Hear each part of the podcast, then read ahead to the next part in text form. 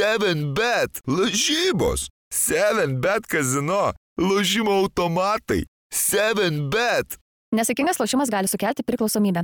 Pasakom po vieną dalyką, kuris patinka ir nepatinka žiemą. Ką, palauk, mes čia... Uh, wow. Žiemos sporto podcastas. Nepatinka ar patinka? Kas, e, kas patinka, tai kai man pro langą matosi iš vieno kambario miškas apsniktas, kai tu guli lovai, turi kokią knygą rankoje ir aplink stichija puga už lango. Nu, va tas jau vaizdas pu- puikus, žinai. E, o nepatinka, tai, nu, tas šaltis jo majo kiekvieną kartą ir kepurė, šalika. Ir... Šilumos mėgėjas esi, tikrai.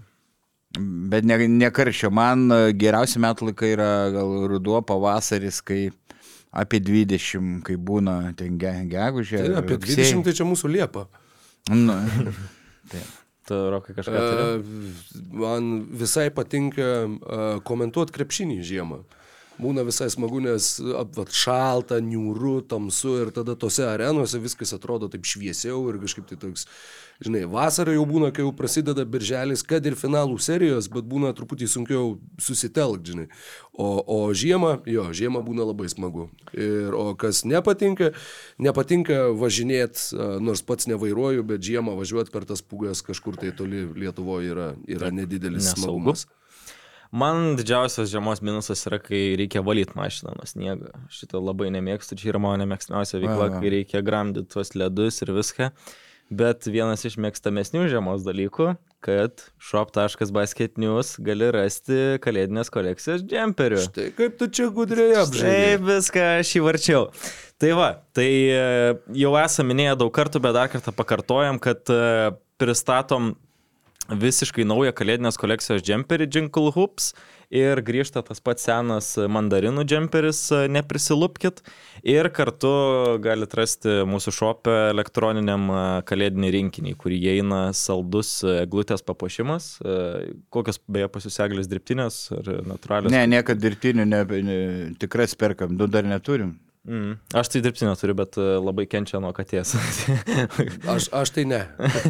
Ne, neturiu. Dažniausiai, a, žinai, daug metų gyvenau vienas, nu, tai vienam tą eglutę, o ten pačiam poštis kažkoks toks meh. A. A, O dabar irgi nežinau, nežinau, ar turėsim šiais metais, šiaip abejoju, nes kažkaip tai, nu, gal, bet irgi pas mus matai dvi katės namie. Tai jau statyti eglę būtų toks, kur su nuosprendžiu iš, iš anksto pasirašytų. Bet... Tai man atrodo, kad va, tau tikrai tiktų saldus eglutės papuošimas, nes jeigu nesistatysi eglės, tai Jo, bent jau tai bent- galėsi bent suvalgyti papuošimą. jos e, to papuošimo turinį. Easy. Taip, ir dar į rinkinį be to papuošimo įeina BM plus 3 mėnesių narystė, kas yra šiaip labai labai geras O. dylas.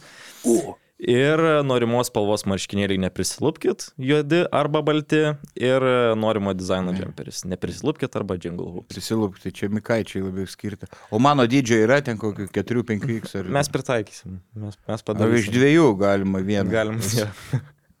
ir juodą, ir baltą gali turėti tokiu atveju. Tarp kitko, kalbant apie Mikaitį, aš ketvirtadienį išskrendu į Milaną ir kiek girdėjau, Mikaitį su Tiškevičium vėl su dešrelių kostiumais e, dabar jau Milane darys šau. Net tu su jais nesis- nesusidėk, nes į liūną įtrauks ir tave. Aš visiškai esu. Irgi, irgi dešrelė pavirsi. įtrauks į liūną. Ir...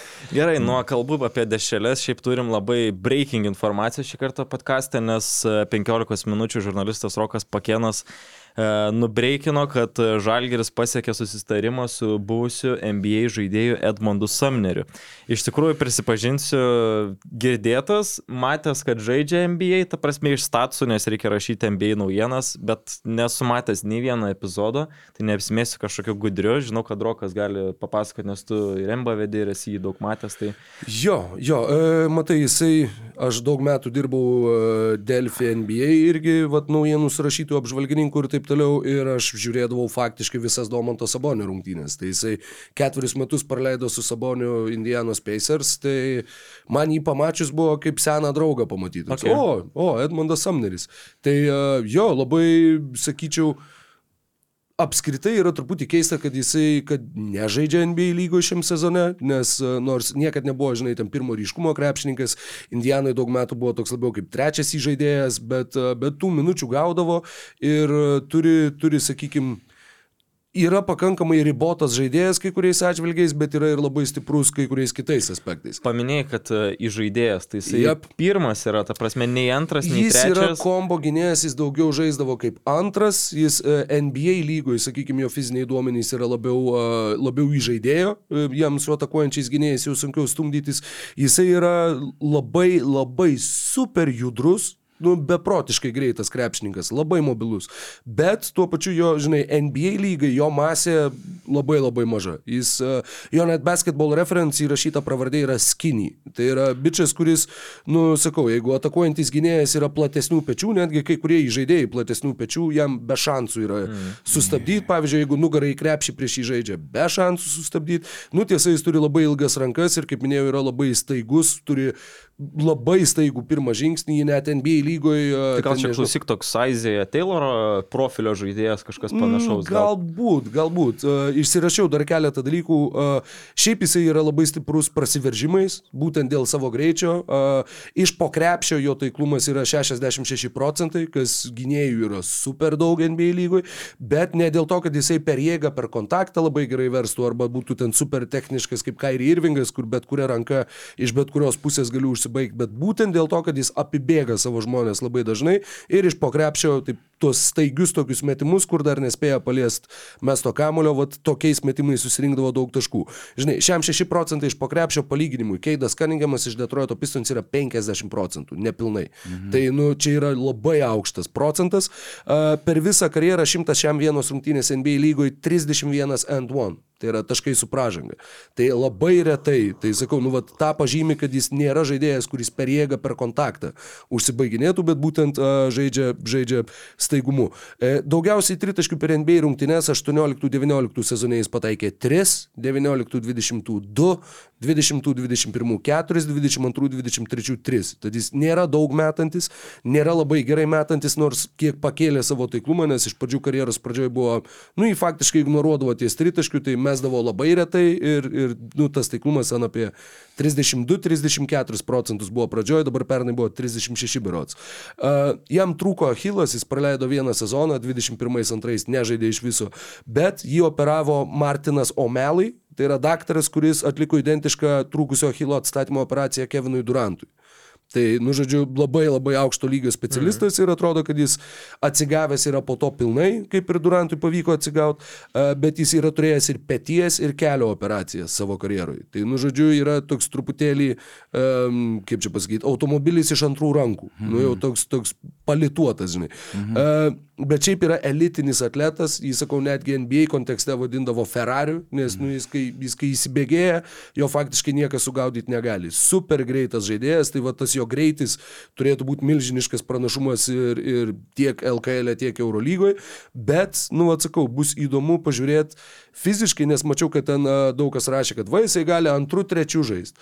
NBA žaidė antrų, pirmų. Trečių, kažkas irgi mačiau rašė, kad net neuostęs ten tos trečios pozicijos, jis yra truputį žaidęs, tu aš galiu pasakyti, a, play by play, basketball reference. Indianoje paskutiniam sezone 29 procentai jo žaidimo laiko buvo leng- lengvų kraštų. Tad jisai, nu, kaip ir gali pažaisti, bet, sakau, fiziškai Europoje gal tas jėgos skirtumas nesijaus taip ryškiai, kaip jautėsi NBA lygoje, bet NBA jį apstumdydavo visi lengvėjai kraštai. Uh, kaip jisai atsidūrė apskritai va dabar va Žalgiryje, e, Netsai jį atleido, 22-3 jisai žaidė Bruklinė, jį atleido, nes jam neliko vietos sudėti, kai jie pasipildė Denisu Smithu Jr. ir Lonnie Walkeriu, nu, žaidėjais, kurie vis viena turi kiek aukštesnės lubas NBA lygoje. Ir Rugsėjo 29 jis pasirašė kontraktą su Charlotte's Hornets ir spalio 24 jis buvo atleistas, kai e, Hornets susitarė su anksčiau Charlotte žaidusiu NBA čempionu dabar tapusiu Išu Smitu. Tai yra dar vienas įrodymas, kad jį projektavo kaip įžaidėją.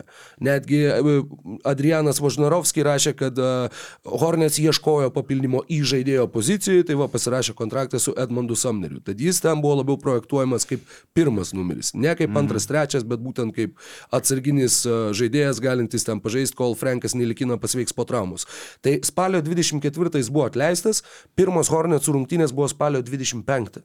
Tai jisai buvo sezono išvakarėse, grinai. Rytoj žaidžiam pirmas rungtynės, tu juose nežaisi ir nuo tada, va, iki dabar jisai buvo be klubo ir atsidūrė Kauno Žalgirį. Tai labai įdomu yra tas, nes tą patį rugsėjį juo domėjosi ir Milwaukee Bucks, Toronto Raptors, Charlotte's Hornets, Miami Heat, Phoenix'o Suns, nu, buvo bent jau rašę NBA apžvalgininkai apie tai.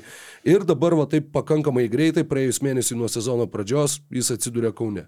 Tai okay. o, tikrai, tikrai bus labai įdomu jį pamatyti, sakau, labiausiai dėl greičio, kaip jisai atrodys, nes jis turėtų greičiu nu, būti neprilykstamas žaidėjas, gal net Eurolygui vienas greičiausių krepšininkų, bet sakau, jis nėra fiziškai stiprus ir neturi labai gero metimo iš toli.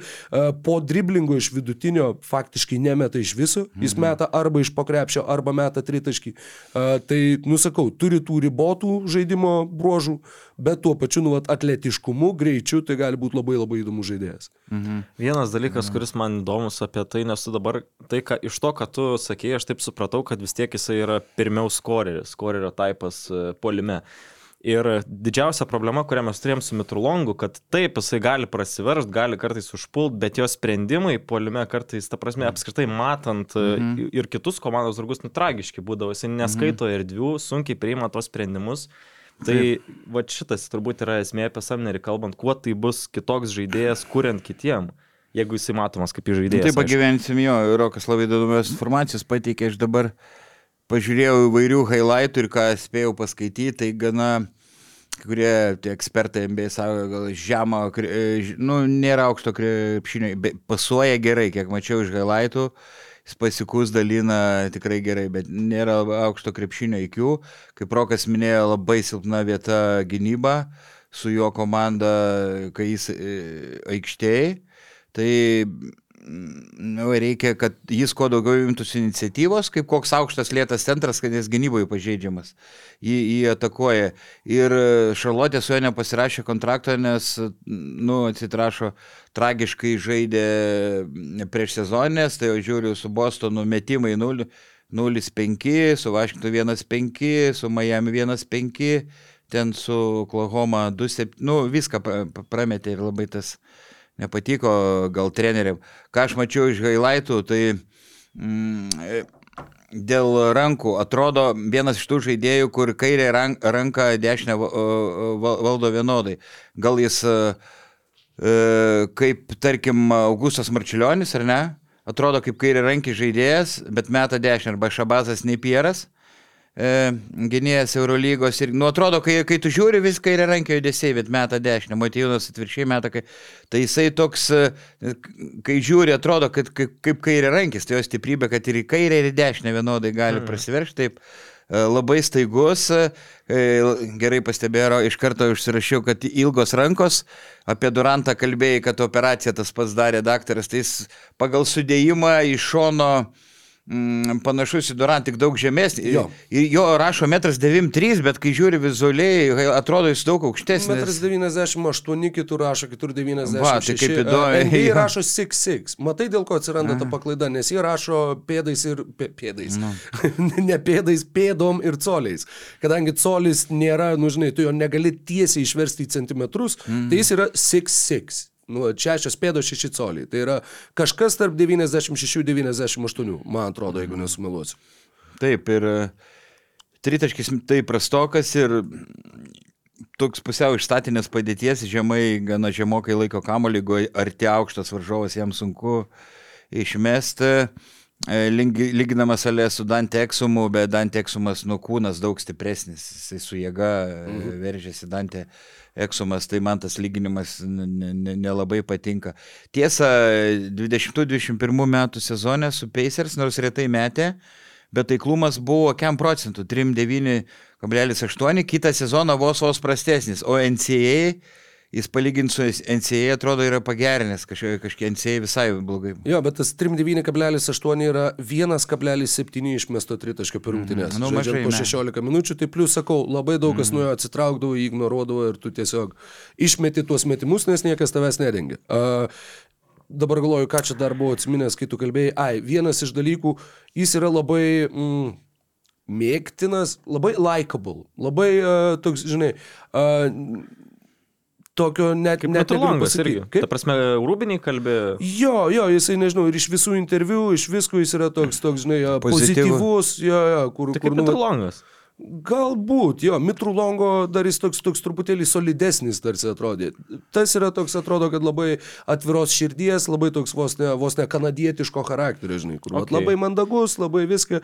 Tai vat e, ir šiaip, ir plus, e, pavyzdžiui, tos rehabilitacijos visos metu, tai irgi visi daktarai labai gyrė, kad jis labai darbštus, labai, va, žodžiu, ne, nenumuilina tenai tų rehabilitacijos procesų. Tai iš charakterio turėtų būti geras krepšininkas ir iš charakterio pusės turėtų lengvai integruotis komandai. Plus dar vienas e, pastebėjimas, kurį kažkieno tai mačiau rašyta, yra, kad, nu tai galėjo tautvydas Sabonis paskambinti broliui ir išsiklausinėti visko apie tą žaidėją. Tai tu čia turi irgi, žinai, tokį labai artimą ryšį, nu va tau būtent, kas per žmogus, kaip, ką, ką moka. Tai gal skambino gal? Nu tai aš, aš manau, kad, nu čia vis viena, ketverius metus buvo tavo kolega, žinai, bendradarbis. Tai, tai galbūt, taip spėčiau, nežinau, ten kiek jie bendrauja, nebendrauja, bet, nu, atrodytų logiška. Blema, bet šį sezoną Eurolygai apskritai vertinant ir visas komandas, numatai ten Kendrikas, Nanas, kuris ten turėjo tikrai įspūdingų. Nanas rungtynių traumų maišas. Nanas Kemba neatsigavęs Kemba Walkeris. Walkeris irgi yra, jo keliai yra, nežinau, kaip, net nežinau su kuo sulyginti, jau pelenais išėję. Jo, bet sakau, apskritai, nu, kažkada vis tiek tai buvo statusą turėję žaidėjai. Apie tą patį dabar, kai su, su Bayernu žaidė Žalgeris, nužiūriu aš į tą įbaką, nu, man jis tokia žvaigždė atrodo, nesvarbu, kad ten jau jam 38 ir dar neaišku kiek metų, bet, bet nu, tikrai atrodo, žinai, toks stovi ir aš niekada nesitikėjau, kad čia lakstysi. Šiai dienai, jeigu prieš sezoną manęs būtų klausęs kažkas, jeigu aš, nežinau, komplektuočiau komandą ir skaitojai, arba Kendrikas Nanas, arba Edmondas Samneris, aš būčiau ėmęs Samnerį. Okay. Nes Nanas tikrai yra sulūžęs, subirėjęs, ten žinai, kur, o rinko po 15 taškų Miami. Jis rinko ten gal prieš 2-3 metus, gal prieš 3. Per tą laiką labai daug prie jo. Lakeriuose jis buvo beviltiškas. Jis tiesiog, nu, kur irgi jie jį pasėmė su viltim, kad o va, gerą žaidėją pigiai gavom, nu, jis visiškai nepatraukė. Jis jau yra, kur tiesiog traumos suėdė žaidėją taip, kad jisai per porą metų atrodo, kad paseno 20 mečių. O Samnerio, vat, to nėra. Nu, žinai, Bet sakai, tų- trys operacijos. Jo, nu, bet, bet iš tų iki sezoninių rungtynių su Šarlotė spręs daug tikrai negalima, o mhm. Bruklinė jisai turėjo neblogą sezoną. Jis 21-2 nerungtyniavo iš vis, pernai žaidė už Bruklino Nets ir ten atrodė pakankamai solidžiai. Gerai, tai esmė yra traumos, Bet- adaptacija prie europietiško krepšinio ir trajekas. Tai Jo, čia, matai, čia yra bet tas esmė su Sumneriu. neturi aukšto krepšinio IQ. Va, su šituo labai sutikčiau. Jis toks, jis, žinai, ten, kai žaisdavo Pacers tą vadinamą motion, žodžiu, žaidimą, kai tiesiog visi žino, kaip tas kamuolys juda ir tau nereikia priminėti kažkokių, žinai, tokių improvizuotų sprendimų, tu tiesiog atlieki funkcijas. Tai tas funkcijas jis kaip ir atlieka, bet kad jis būtų kažkoks kuriantis, labai gerai aikštę matantis žaidėjas, nu to jisai neturi. Ir tai yra toks signalas, kad, nu, vad būtent to aukšto krepšinio intelekto nėra ir tau prisitaikyti prie kitų taisyklių gali būti tikrai sudėtinga. Tu niekada nežaidėjai Europoje ir, ir tas periodas gali užtrukti. Bet jeigu mm, lygintume, kad į- buvo įmamas į Brasdeikio vietą, tai... Aš manau, yra Mitrulongas. Aš irgi, aš Ar irgi mes- sakyčiau, kad tai labiau Mitrulongo tipo žaidėjas. Taip. Brasdeikis, nu kur, Brasdeikis taraninio tipo su jėga veržėsi, naudojasi kūnų, kūnų stumėsi ir, ir Brasdeikis jau tritaški buvo pagerinęs, bet tai irgi nėra aukšto krepšinio IQ žaidėjas, žinai, Brasdeikis. Bet ir kito Bet tai tipo, čia va- Brasdeikis labiau vat, tai, ką jūs vadinat skoreriu. Va, pažiūrėk, kad Samneris mestų po driblingo tritaškį. Nu, jeigu labai reikės mes, bet čia tas pats, kas, nežinau, Arnas Butkevičius mestų po driblingo tritaškį. Tai nėra žaidėjas, kurį tu norėtum matyti, metant į, va, ten, žinai, tuos, čia- tuos svarbius metimus. Kažkur iš pagavimo Taip, jam jis, tai, jeigu galbūt. dažniausiai iki galo, tai po driblingo Hailaitų peržiūrėjau vieną kartą, tik e, mačiau ir metė, mm. bet ir taip ne, neužtikrintai. Bet čia, Vaidai, gerą klausimą šiaip iškėlė vien dėl to, nes jeigu pasirašo į Mitrulongo vietą, tai Pangosas kaip ir nuplaukė, ta prasme, nu, tai tada Pangosą įmė, tai čia jau trys žaidėjai gaunasi - Evansas, Nu, Samneris ir, ir, ir Pangosas. Aš tikiuosi, va. aš tikiuosi, kad taip. Aš tikiuosi, Taip, kad kitas matai. žaidėjas bus labiau lengvas kraštas, va toks jo. Gal tas labiau Brasdeikis. reikia, e, Samneris yra, reikėjo žaidėjo, kuris draskytų gynybą, žalgeriui labai prasiveržimais trūko be, be Evanso.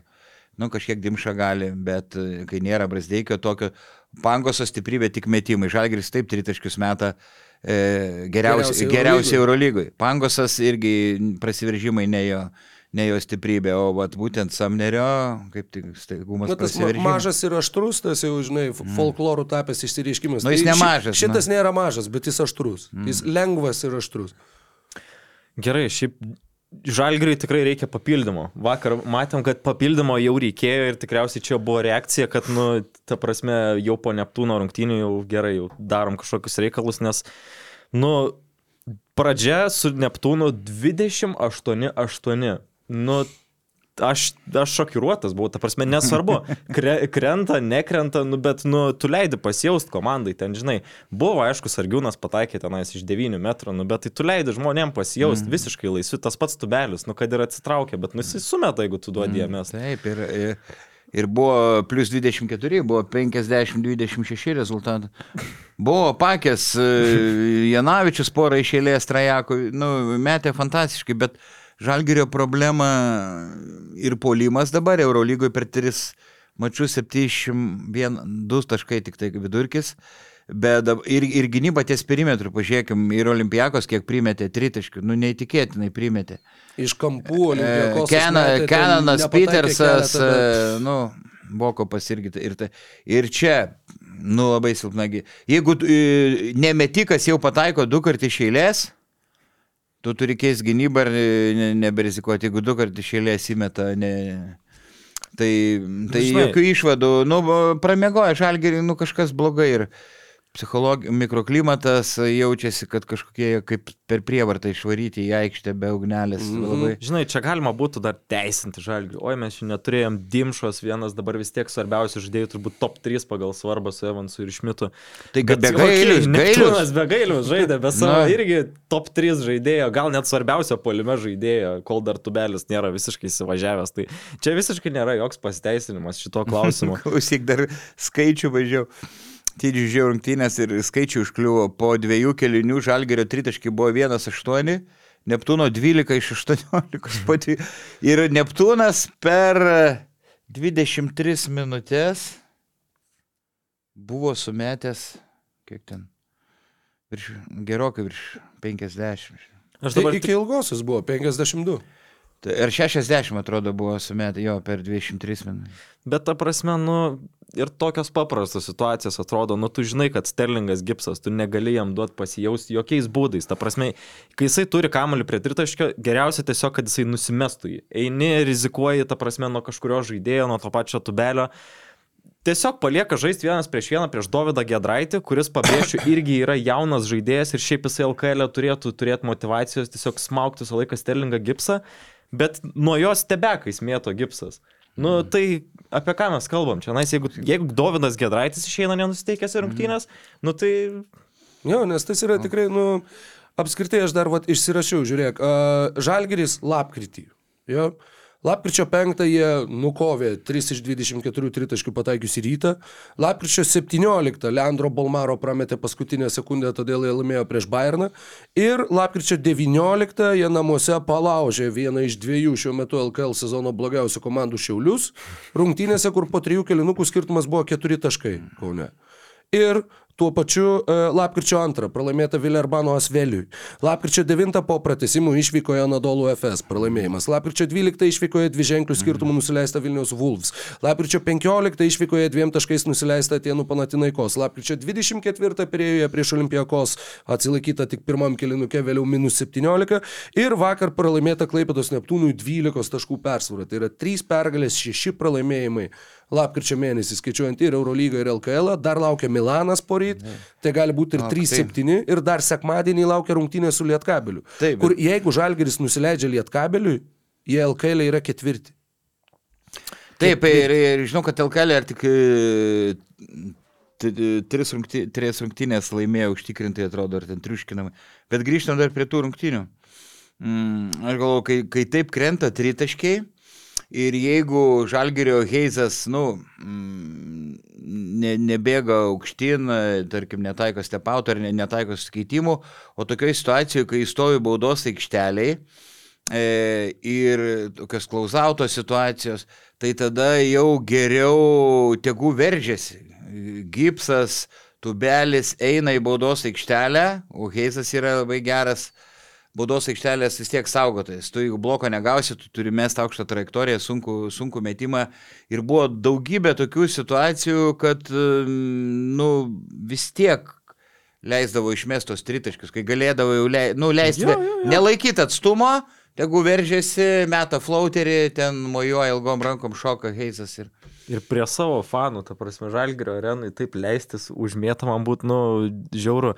Bet iš tikrųjų, vat, Neptūną tikrai reikia pagirti, ta prasme, nu, kad jie šitai atėjo į tas rungtynes ir man gal, aišku, dar pakalbėsime apie Ažalą tubelį, bet aš norėčiau išskirti Igno Sargiūno tą Taip, tokią taip, taip. drąsą ir naglumą, kuris jau apie, apie jį daug kartų yra šiaip kalbėta. Bet kaip jisai ten paleido tą tritaškį, ta prasme, Tai apskritai- ne tik tą, jis apskritai, kur fantastiškas rungtynės. Sur- jo. Jis yra nu, toks bebaimis Grigonio charakterio, jisai nieko nebijo, nedreba, jokios įtampos niekad nejaučia. Aš manau, kad e, kokiem lietkabelio ar ryto vadovam, nu, reikia į atkreipdėmėsi ir, ir gali sulaukti pasiūlymų. Jis gali ir gerai pasiginti, ir, ir gerai kamolį varo, ir gali gerai mes, nu, verštis, vis, viską gali daryti. Ne, turi tą, kur, ne, kaip čia pasakyti, nepavaldus aplinkybėms žaidėjas. Jis turi kažkokį vidinį tokį gerą mhm. balansą, kur man, man nusispjaut prieš ką žaidžiu, man nusispjaut koks rezultatas, aš darysiu savo ir va tas toks, kai kuriem, va jo, trūksta, sakykime, tam pačiam žalgiriui atrodo, kad trūksta va, būtent to tokio, nu, va, neišsimušimo, ne, ne, nežinau, ne, nereagavimo į tai, kas vyksta aplinkui. Ir va to tokio, mm, kaip lenktyniniam žirgam, kur uždeda tuos tokius ant akių, kad tu nematai Ne. nieko daugiau ir tiesiog bėgi į priekį. Tai vad, Ignas Sargiūnas tą turi, Ažolas tubelis tą turi, tą nebijoti akimirkos ir tiesiog, sakau, nesvarbu prieš ką žaidži, daryti savo ir, ir, ir, ir vad, pamatėm to rezultatą vakar. Ažalas tubelis. man, man palieka įspūdį tikrai. Jisai tikrai įsipaišo, bent jau per tą, tai, kiek matė, man atrodo, jisai įsipaišo į MVP lenktynės pamažu. O jo. Faktas, o ta prasme, taip kaip jisai, na, aišku, čia galėjom kalbėti apie tai, kaip jisai atrodė čia su nevėžiu, kaip jisai atrodė dar su kuo žaidė Neptūnas, su garždais ar su kuo. Tai jo, galėjo kilti klausimų, nu, bet išeina prie žalgerį ir matom, jau kažkurio momento antram kelni, e, Rolandas Šmitas jau visiškai jau toks įraudonavęs, bando taip, va, ten daužo, žinai, tubelio, jisai nepasiduoda, jisai duoda atgal, aišku, pasiemė pražangą, bet jisai va su tokiu išeina, žinai, prie žalgerį, kur, nu, aš jums nieko netiduosiu ir paskui pasimato, kaip jisai dėlioja ten greitose atakose, aišku, labai padėjo tie tritaškiai sumesti, bet jisai tikrai šitam lygiai bus didžiulė žvaigždė, aš net nebejoju. Ir Kiek tu sakai, Vaidai, sorry, kad per 8 iš Ir 13? kažkas sudėjus KMT. 8 iš 13, jo. Jo, tai 8 iš 13. Jis labai daug dirba. Ties tritaškių metimų, kas e, NCAA buvo traktuojama kaip jo iš tikrųjų e, viena didžiausių silpnybių. E, Tai jis tą dalyką, tą problemą labai rimtai sprendžia. Ir jisai, mm, wow, jis yra kaip ketvirtas numeris ir penktų gali žaisti, yra su, super greitas, žinai, yra e, žaidėjas. Ir, nu, rytas turbūt gailisi, kad, Aha. kad ne, ne, Aš, aš, nepasiekė. Vat aš aš, apie e, tai irgi jo norėjau, matau, kad tu irgi. Kur, tai Aš- kiek, aš- kiek dabar jie, vad klausimas, ar jau dabar jie, jie jau graužėsi nagus, kad jie suge, sugalvojo, kad reikia būtent tubelį išsiųsti į Neptūną. Nežinai, vienas, iš, vienas e, pažįstamas rašė, kur sako, jie negalėjo pleikio atgal išsiųsti tam pačiam Klaipėdos Neptūnui. Bet žinai, tai yra galbūt iš tos pusės, kad tu galvoji, nu tada mes jį turėsim kaip penktą aukštą ūgį. Mes turim važinai keturis aukštus. Gal jam čia bus per mažai minučių, duokim jį į Klaipėdos Neptūną, kur nu va jisai tų minučių gaus kiek tik tai įmanoma. Bet šiai dienai, va po tų keletos matytų rungtynių, žinai, yra tas, nu va NBA 2K žaidėjo overall reitingas. Tai ar Ažulas Tubelis, ar, pažiūrėjau, Gytis Masiulis turi aukštesnį overall reitingą jau šiandien, nekalbant apie ateitį.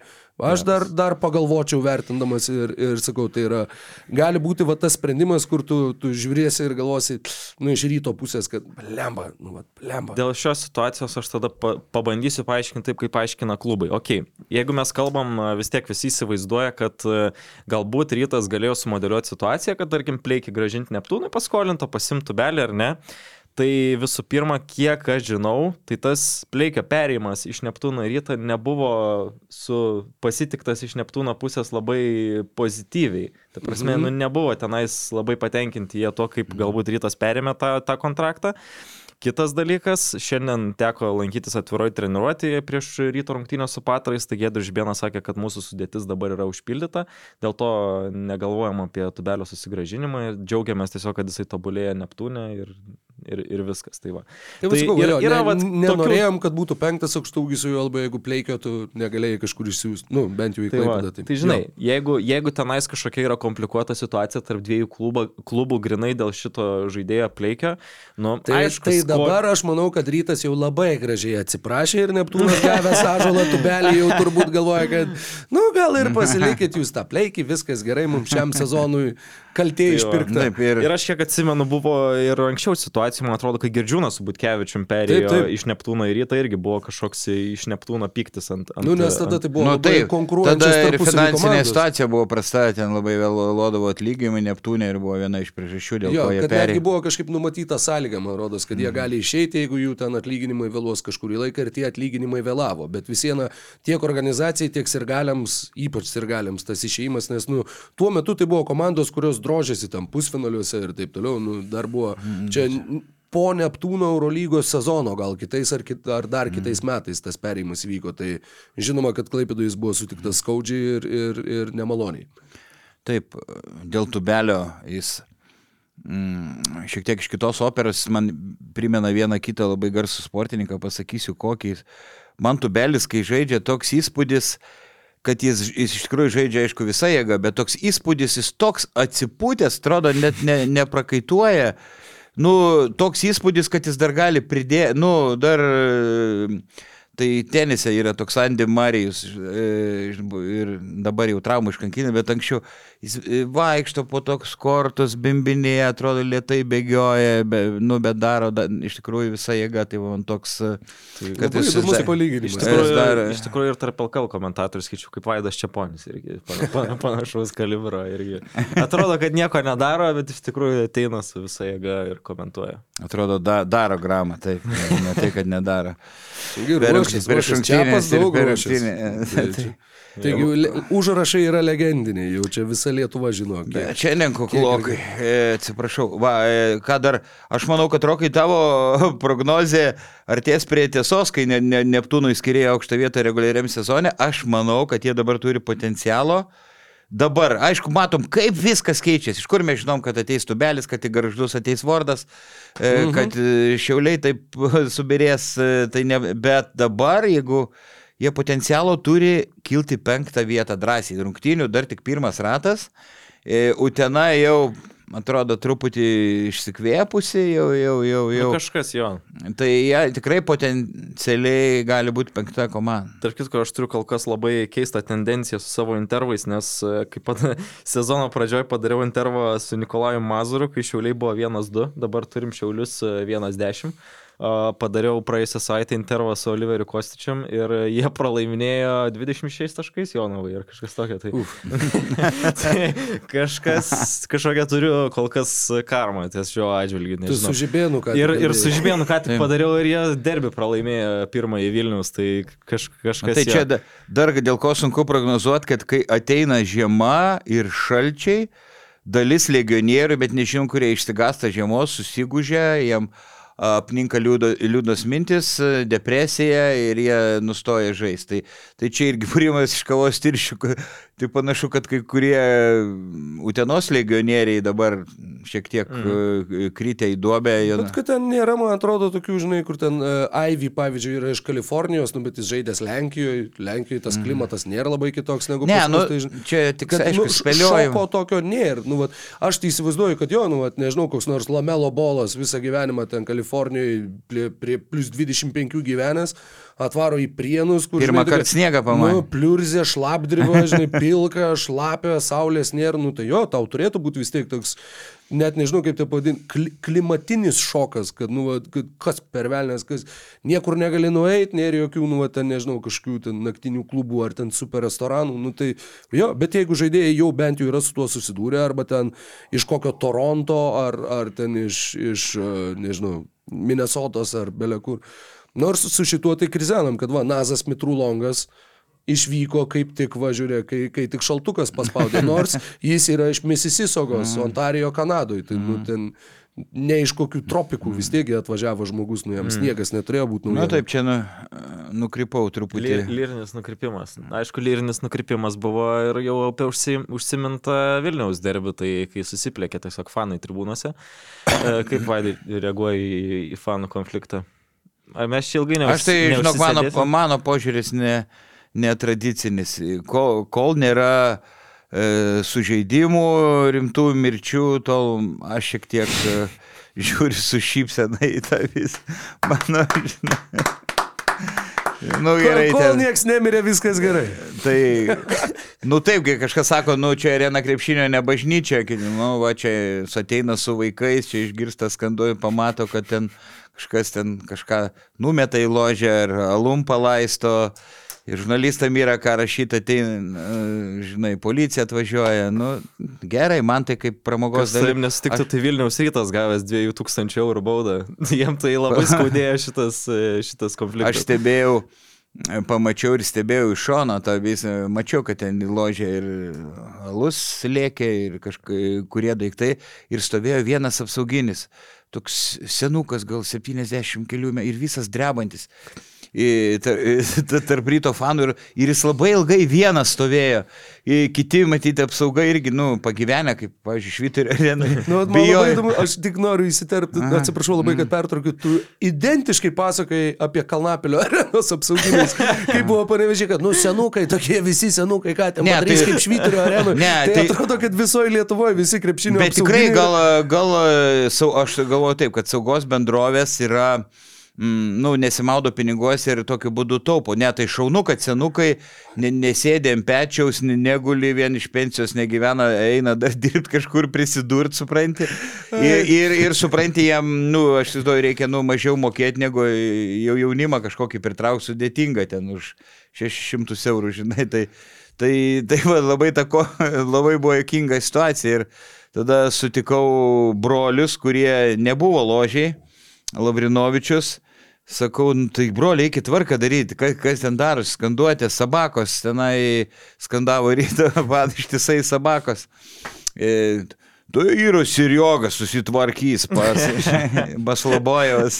Aš irgi. Tai gal kai kurie lipo ryto fanai pamatė Baslobovo, atsiprašau, kad mes šiandien Aš irgi suklydom pasikrauti. Brolius girdėjau, aš laukiau prie ryto rūbinės, e, tiesiog, nu, paimti interviu po rungtynių, aišku, tenais nuotaikos nekokios, bet iš Jeep arenos rūbinės labai puikiai girdisi, kas ASG mm. darosi ir broliai užeina į rūbinę, nu, hebrytė, su pergalė, su pergalė. pergalytė. Su pergalytė. Tu šitą papasakai prieš pat e, mums pradedant filmuoti. Aš nesupratau, kas toje istorijoje. Jo, jo, jo. Sveikinu jūsų pergalę, dabar viskas aišku. Dar, dabar viskas aišku. dar vieną dalyką, neminėsiu pavardės, vienas iš e, Vilkų atstovų ložiai mm, užsirūkė elektroninę cigaretę, po to visur Facebook'e e, atsiprašinėja ir, ir neva tai sukėlė ryto fanų e, pyktį. Tai iš tiesų ir pats LKL išplatino pareiškimą, kad ne, neįmanoma sužinoti, kas ten kaltas, nuo ko viskas, Nu, nuo ko žinai, viskas prasidėjo. Derbis, Vilniaus rytas gauna nuo Vilkų dešimčia taškų ir pamato, kad kažkas pradėjo veikti ir tada jiem užvirė kraujas. Nu tikrai jau netikiu, kad dėl- elektroninės cigaretės nusprendė ten per tas pertvaras lipti užgesinti, žinai. Ne. O beje, apie pačias rungtynės, kaip, kaip, Vaidai, tu komentavai, ne? Aš tik tai vieną dalyką dar, Mhm. dar jeigu galima apie tos, nes nu, tikrai neįdomu man asmeniškai kalbėti apie tos konfliktus, ten išsiaiškins jie, kas ten kas, kaip ir kas buvo. Man tik tai vienas dalykas, kuris gal tau bus e, šiek tiek relatable, tai e, Rokas Pakienas, kaip tik klausiau e, jo roll, jisai išvedė tokią paralelę.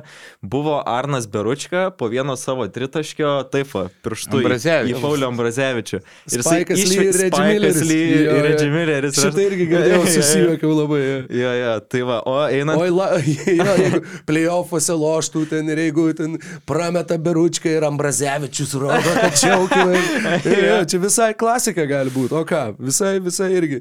Aš irgi pritariu, žinai, nors gal nesu toksai radikalas kaip Vaidas Čiaponis, bet, bet kol nieks nemirė, kol nieks, žinai, ten kaulai nelūžo, kol ten, nežinau, sužeistų nėra, kol, nu, tai... Pramoga, Nu, jo, nu, gyvena. kol, kol ginklai stalčiuose, tol galima. Jo, jo, jo, nu žinai, kol tai neperlipa kažkokios, žinai, ribos, kol tai netampa Graikija, Serbija ar ten Argentina, kur ten 2-0 pralošė River Plate prieš Boca Juniors, tai River Plate paskerdė du fanus ir tada šaukė 2-2, nu tai, nu, čia jau yra brėdas ir absurdas, bet, nu, kažkiek, kai tai yra kažkokio va to tokio, žinai, kibrikščių kažkokių, nu va, va, yra apie ką kalbėti, yra kažkokio vis tiek adrenalino truputis, nu tai... tai Smagiau gyventi. Jo. Jo. O per rungtynės tai tai irgi prognozavau ryto pergalę ir bukmekeriai favoritų vadino rytą, bet taip nu, nusivyliau.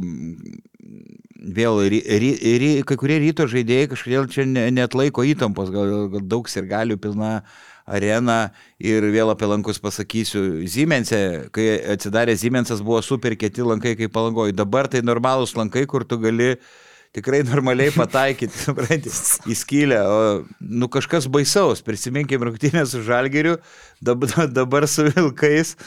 tai, nu, aš ne, nesuvo, kalbam. nesuvokiama. Ne, nu, tai, nu, visada, nesuvokiama. Be Saleimono, e, be Tayloro, aišku, ir be Žagaro dar Jo, pamiršti. jo, tai apskritai laikyk be, be Saleimono, be Tayloro.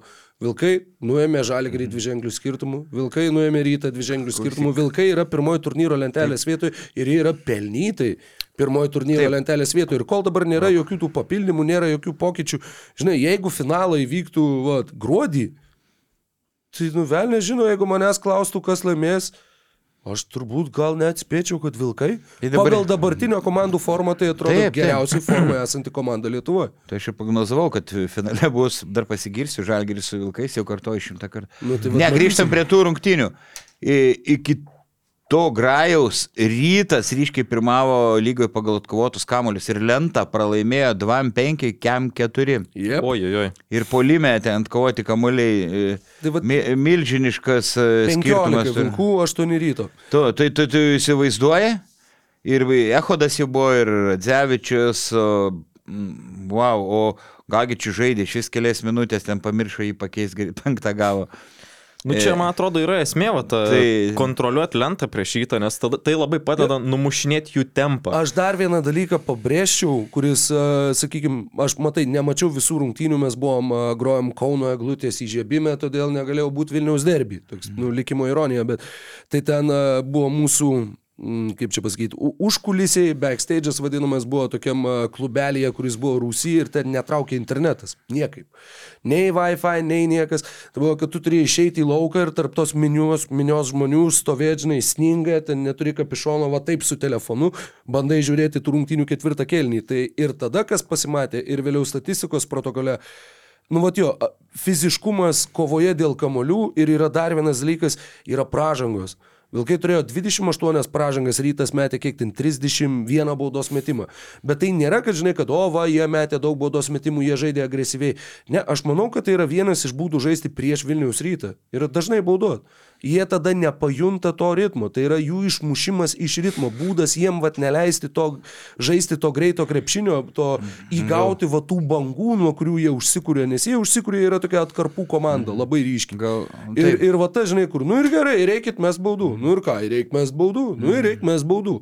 Nu ir tada tu kaip ir tų taškų susirinki, bet va to užsikūrimo tokio nėra. Nu, Ir Gal aš manau, daug kad tai pauzių, taip, e, e, irgi logiškai, jo, daug pauzių, tu kažkiek išsimuši iš ritmo, bet vilkai labai gerai stabdė e, greitą polimą. Nu, kartais riziko, visi grįždavo, nors ir polime daug nusimdavo kamuolių, kartais atko, atko, aukodavo atkovotus kamuolius polime, kad grįžtų, bet dažniausiai gerai stab, e, stabdydavo tą ryto aukštaugį, kuris atkovodavo kamuolį.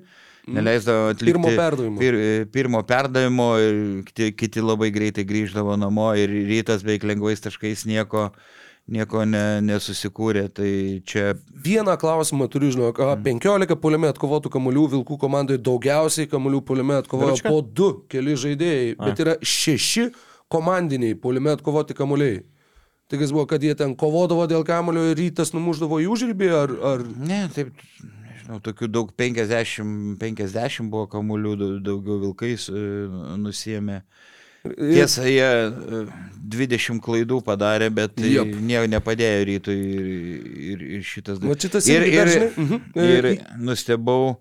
Ir sakiau transliacijai, lemiamas minutės labai žaidė penketukas vien iš lietuvių. Ir, ir Kozys, ir Minėtas irgi žaidė, žaidė ketvirtam kelni nemažai laiko. Tai aš manau, kad e, E, Ir Kozys, ir Miniotas tikrai nėra prasti žaidėjai. Bet esmė, kai visi pasveiksta geriausi, jie gauna ten šiukšlių minutės ir tada labai sunku, kai kurias rungtynėse tu iš vis nežaidži. Ir po to, kad ir gauni 15 ar 20, tau, tau sunkiau atsiskleisti. Va, prieš podcastą norėjau pasakyti mintį, kaip galima e, tokius žaidėjus atgaivinti. Tai mm, svarbiausia, kad jie pasijūstų, kad jie yra svarbi komandos dalis. Taip Aleksas Fergusonas darydavo Manchester United, kad leisdavo, žinai, atsarginius į starto sudėti ir duodavo, e, nu, kaip vos, ne, vos nerotuodavo. Taip ir čia, aišku, e, turiu meni, kad gal auko, kur įmanoma aukoti LKL, e, au- aukoti LKL rungtynės, tarkim, net, netgi taip. E, Bet aišku, Vilkams labai svarbios pergalės. Jeigu įmanomas tokios situacijos, tai jiem leisti kuo daugiau ir kalti galvą, kad jūs mums labai reikalingi ir, ir panašiai, nes, nu, ki- kitaip, jie atrodo e, tikrai kai kam beviltiški. Kai tu sėdi, gauni po kelias minutės, tada įtampa, išeini, nori kuo geriau pasirodyti, verties per galvą ir, ne, ir, ir vėl ant bankės ir, ir, ir psichologiškai tave nusmūga. Tai, tai pavyzdžiui, Minėtas nepelnė nei, nei vieno taško, bet jis gerai, nu, gerai kovoja. Aš mačiau, kaip Kozys uh, išprovokavo vidurio linijos taisyklės pažeidimą mm. ketvirtam kilinukė ir kaip triumfavo, kaip, kaip laimėjęs čempionatą. Tai va tas irgi tas emocinis užsivedimas, nu ten aišku, jau buvo pagreitis, jau atrodė, kad jūs artėjat prie pergalės. Bet atrodė, kad jo, kad vilkai buvo kad labiau motivuoti, labiau norėjo ir mažiau bijojo. Nes tai irgi yra va ta situacija, kur nu, vat, nebijoti akimirkos. Va ką kalbėjom apie sargiūną, apie tubelį, neišsimušti dėl kažkokių aplinkinių dalykų. Nu, sakau, aš mačiau nedaug tų rungtynių, aš nenoriu sakyti mm -hmm. kažko, žinai, ko, ko nebuvo, bet bent jau to atkarpo atrodė, kad tikrai vilkai kontroliavo situaciją dėl to, kad jie visiškai nebijojo. Jie neturėjo mm -hmm. ko prarasti, jie turėjo va tokį labiau, kad, mm -hmm. žinai, rytui buvo spaudimas laimėtas rungtynės, čia jų namų rungtynės, čia jiem reikia įrodyti, kad sosniai vilkas tik vienas ir kad jie eilinį kartą jie susidūrė su va tuo spaudimu, nu jie, jie, jie subyra, jie negali jo perlipti. Yra dar tas dalykas su arena, su lankais, kaip minėjai, vadžinai, ten tritaškių paskaičiavo ir Rokas Pakenas, nors ir, ir pats galvojau tą patį padaryti. Uh, trejos rungtynės uh, ASG arenoje, jo, buvo su Žalgiriu, buvo su Vilkais, buvo su Opava. Mhm. 15 iš 81. 15 iš 81 ir aš turiu dar papildymą. E, dabar, kad nesuklyšiu, nes kompas restartavos, man rodos, RJ Kaulas, vienas iš aštuonių mm. per tas trijas rungtynės, Jestinas Goramas, vienas iš devynių, Margerio normą. Arnas Velička, 2 iš 10, Margeris Normantas, 0 iš 15. Wow. 0 iš 15. Čia buvo nu, 0 iš 6 ir 0 iš 6 ir prieš Žalgirį ir 0 iš 3 prieš Opavą. Žinai, kas mane stebina, kad e, gal ryte nėra tokio vieno super sniperio, bet yra labai daug galinčių pataikyti. Tas pats Normantas dabar nepataiko. Tai psichologinė duobė. Ir Adzevičius gali, ir Hornsby mesti, ir Gorjamas matė, ma- ir Uliackas, nors meta 20 procentų LKL, bet jie gali, me, nu jie nėra, nu greblė rankiai kažkokie, tai bet niekas ne, beveik niekas Bet nepataiko. Žinai, su to gali įmest. Nu, tai aš, aš irgi galiu Pagal, ne, įmest. bet pagal, tai, nu, pagal potencialą, nu, žiū- žiūri. Ir Bet, dėl... nu, vat nėr, kad, kada mes pradėsim kalbėti apie tai, kad nu, ta komanda, kuri gali įmesti, nu, jinai neįmeta. Neįmeta niekaip. Apie Apie už Beru- ką šitam sezone. Aš Apie- stengiuosi vis tiek kažkokio priežastingumo ieškoti iš tų dviejų rungtynių Žalgiris ir Vulfs, ar ne? Ir kalbant apie ryto polimą, aš pagalvoju, nu kodėl jie taip sunkiai atrodo tose nulūžusiose atakose, nes iš tikrųjų pernai labai daug tų nulūžusių derinių, nulūžusių situacijų išspręsdavo Markusas Fosteris. Mhm. Kas dabar sprendžia nulūžusias situacijas? Margeris Normantas. Ir ką mes matom su Žalgiriu? kaulas dar, nu. Nu, Kaulas kažkiek, bet Velička Margeris Normantas išsimetė tritaškį. daugiausiai metimų e, rungtynėse su Wolfsais. Ir pataikė 4 iš 14. Ten dar vienas toks dėjimas visai nieko buvo. Tai va, ir, nu, Margeris Normantas šiaip, nu, reikia pripažinti, nėra tas žmogus, kuris, kuris tu norėtum, kad tau spręstų nulūžusias Nu, atakas. taip, jau kalbėjom, ne, ne, Margeris turi daugybę gerų savybių, bet to nėra pirmos gero žingsnio staigumo, kur tu galėtum viens prieš vieną ap, apsilošti. Bet dar neapdainavom pagrindinio herojaus, be, Beručkos, jeigu jis nieko prieš. E, tai kaip reikia žibėnas, ten ant Horts, be ant kitų. Nes Be- Beručka kartais polime iššauna daugiau gynybinis žaidėjas, bet kai jau pataiko, aš dar kartą pakartosiu, du kartai išėlė žaidėjas, tu jau viskas, tu turi būti arti jo, neiti pagalbas. Čia O Beručka, o, jo, o Beručka metė, metė ir metė ir daug laisvės. Šeši iš septynių tritaškių. Reggie Miller, tikrai, kad, nu. Ir plus, e, tai ne pirmos jo panašios rungtynės prieš rytą. Jis būtent prieš rytą žaisdamas už Vulps, jis, jis Jo, tai buvo ir Jis ir, ir pats yra apie tai kalbėjęs, kad nu, jam kiekvienos tos rungtynės yra kažkuria prasme principinės. Ir va dar vienas žmogus, kuris tose principinėse rungtynėse ne sulūšta ir pabūksta akimirkos, bet kaip tik atsiskleidžia ir va, sukanda dantis ir žaidžia geriau negu kad žaidžia įprastai. Tai, nu, vat, yra žaidėjų, net nežinau, charakterių tipai ir tuo pačiu yra galbūt e, rūbinės kažkokia, kažkokia aura, kur, nu, vat, kaip tu, kaip tu žaidi susidūrė su va, tom situacijom, su spaudimu, su sunkumais. Nu, vat, yra žaidėjų, kurie žaidžia kaip tik geriau, yra žaidėjų, kurie, kurie nežaidžia. Tai nu, vat, kažkaip, kaip tą išspręsti, aš neįsivaizduoju. Mm. Ką pasiūlyti Vilnius rytų, ką daryti, aš neįsivaizduoju. Nu, kažkokiais kitais metodais, nežinau, siekti tų, tų nu, vat, psichologinio to tokio... su- Labai sunku, la- no, labai sunku, kai nėra, kai lemiamų momentų kažkam duodi kamuolį, jau kalbėjom daug kur kaip Fosterį, kuris gali vienas nuspręsti rungtinių baigti. Nu, nė- nėra individualiai tokio paėgaus žaidėjo ir tai yra didžiausia bėda. Bet kai po traumų atsigaus pilnai Ehodas, Radzevičius, manau, rytas bus stipresnė komanda.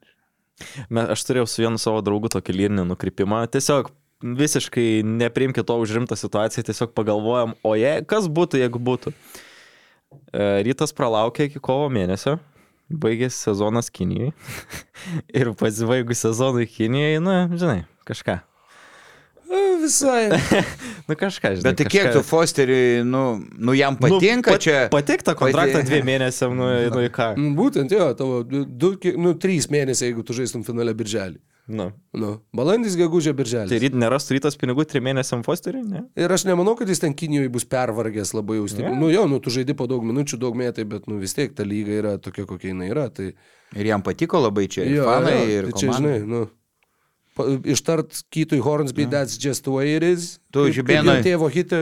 Aš gal... Pasiūlei tą- Ne, aš mintį? mintį nepasiūliau. Nepasiūlei. Bet gal paklausys, gal išgirs mane kitais būdais. Tai va dar vienas dalykas e, iš tų rungtynių - Džiavinas Delaurė ir jo dėjimas per Mekovulą. Vaidai, pašokai iš kėdės, kai pamatai. Tai komentau, kad su mesomis buvo, bet kaip jis, il- kaip jis ilgai skrydo ore, wow. tai Buvo, nu gal gražiausias, vienas gražiausių sezonų dėjimų. Aš neatsimenu apskritai kažko panašaus LKL. Žinai, nu, NBA. Tas skrydis, ilgas skrydis, įsiminė. E, Hang time yra angliškas uh, terminas, kur, nu, vat, kiek žaidėjas išsilaiko ore. Tai jo, įspūdinga tikrai, tikrai. nu, bet tas irgi. O kas jums apskritai gal iš tų, iš tų dėjikų e, geriausiai yra labiausiai įsiminę ar iš LKL, ar šiaip iš skrepšinio? Aronas Lukasas, jeigu iš LKL. Man labai, man, nu, dar žinai, vaikui, nu, paaugliui, ten, žinai, nežinau, kiek man tų metų buvo, 10, 11, 12.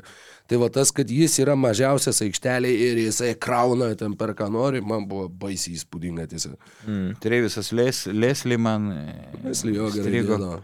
Sonny Williamsas. Skraidydavo. O, jo. tai- Sonny Williamsas. E, Šiaip iš tų gal iš MBA vardinant, tai man iki šiol dar atsiverčiu Blake'o Griffino dėjimus, tuos, žinai, jau pačius geriausius. Nes man... man, Insanity, man Insanity, uf.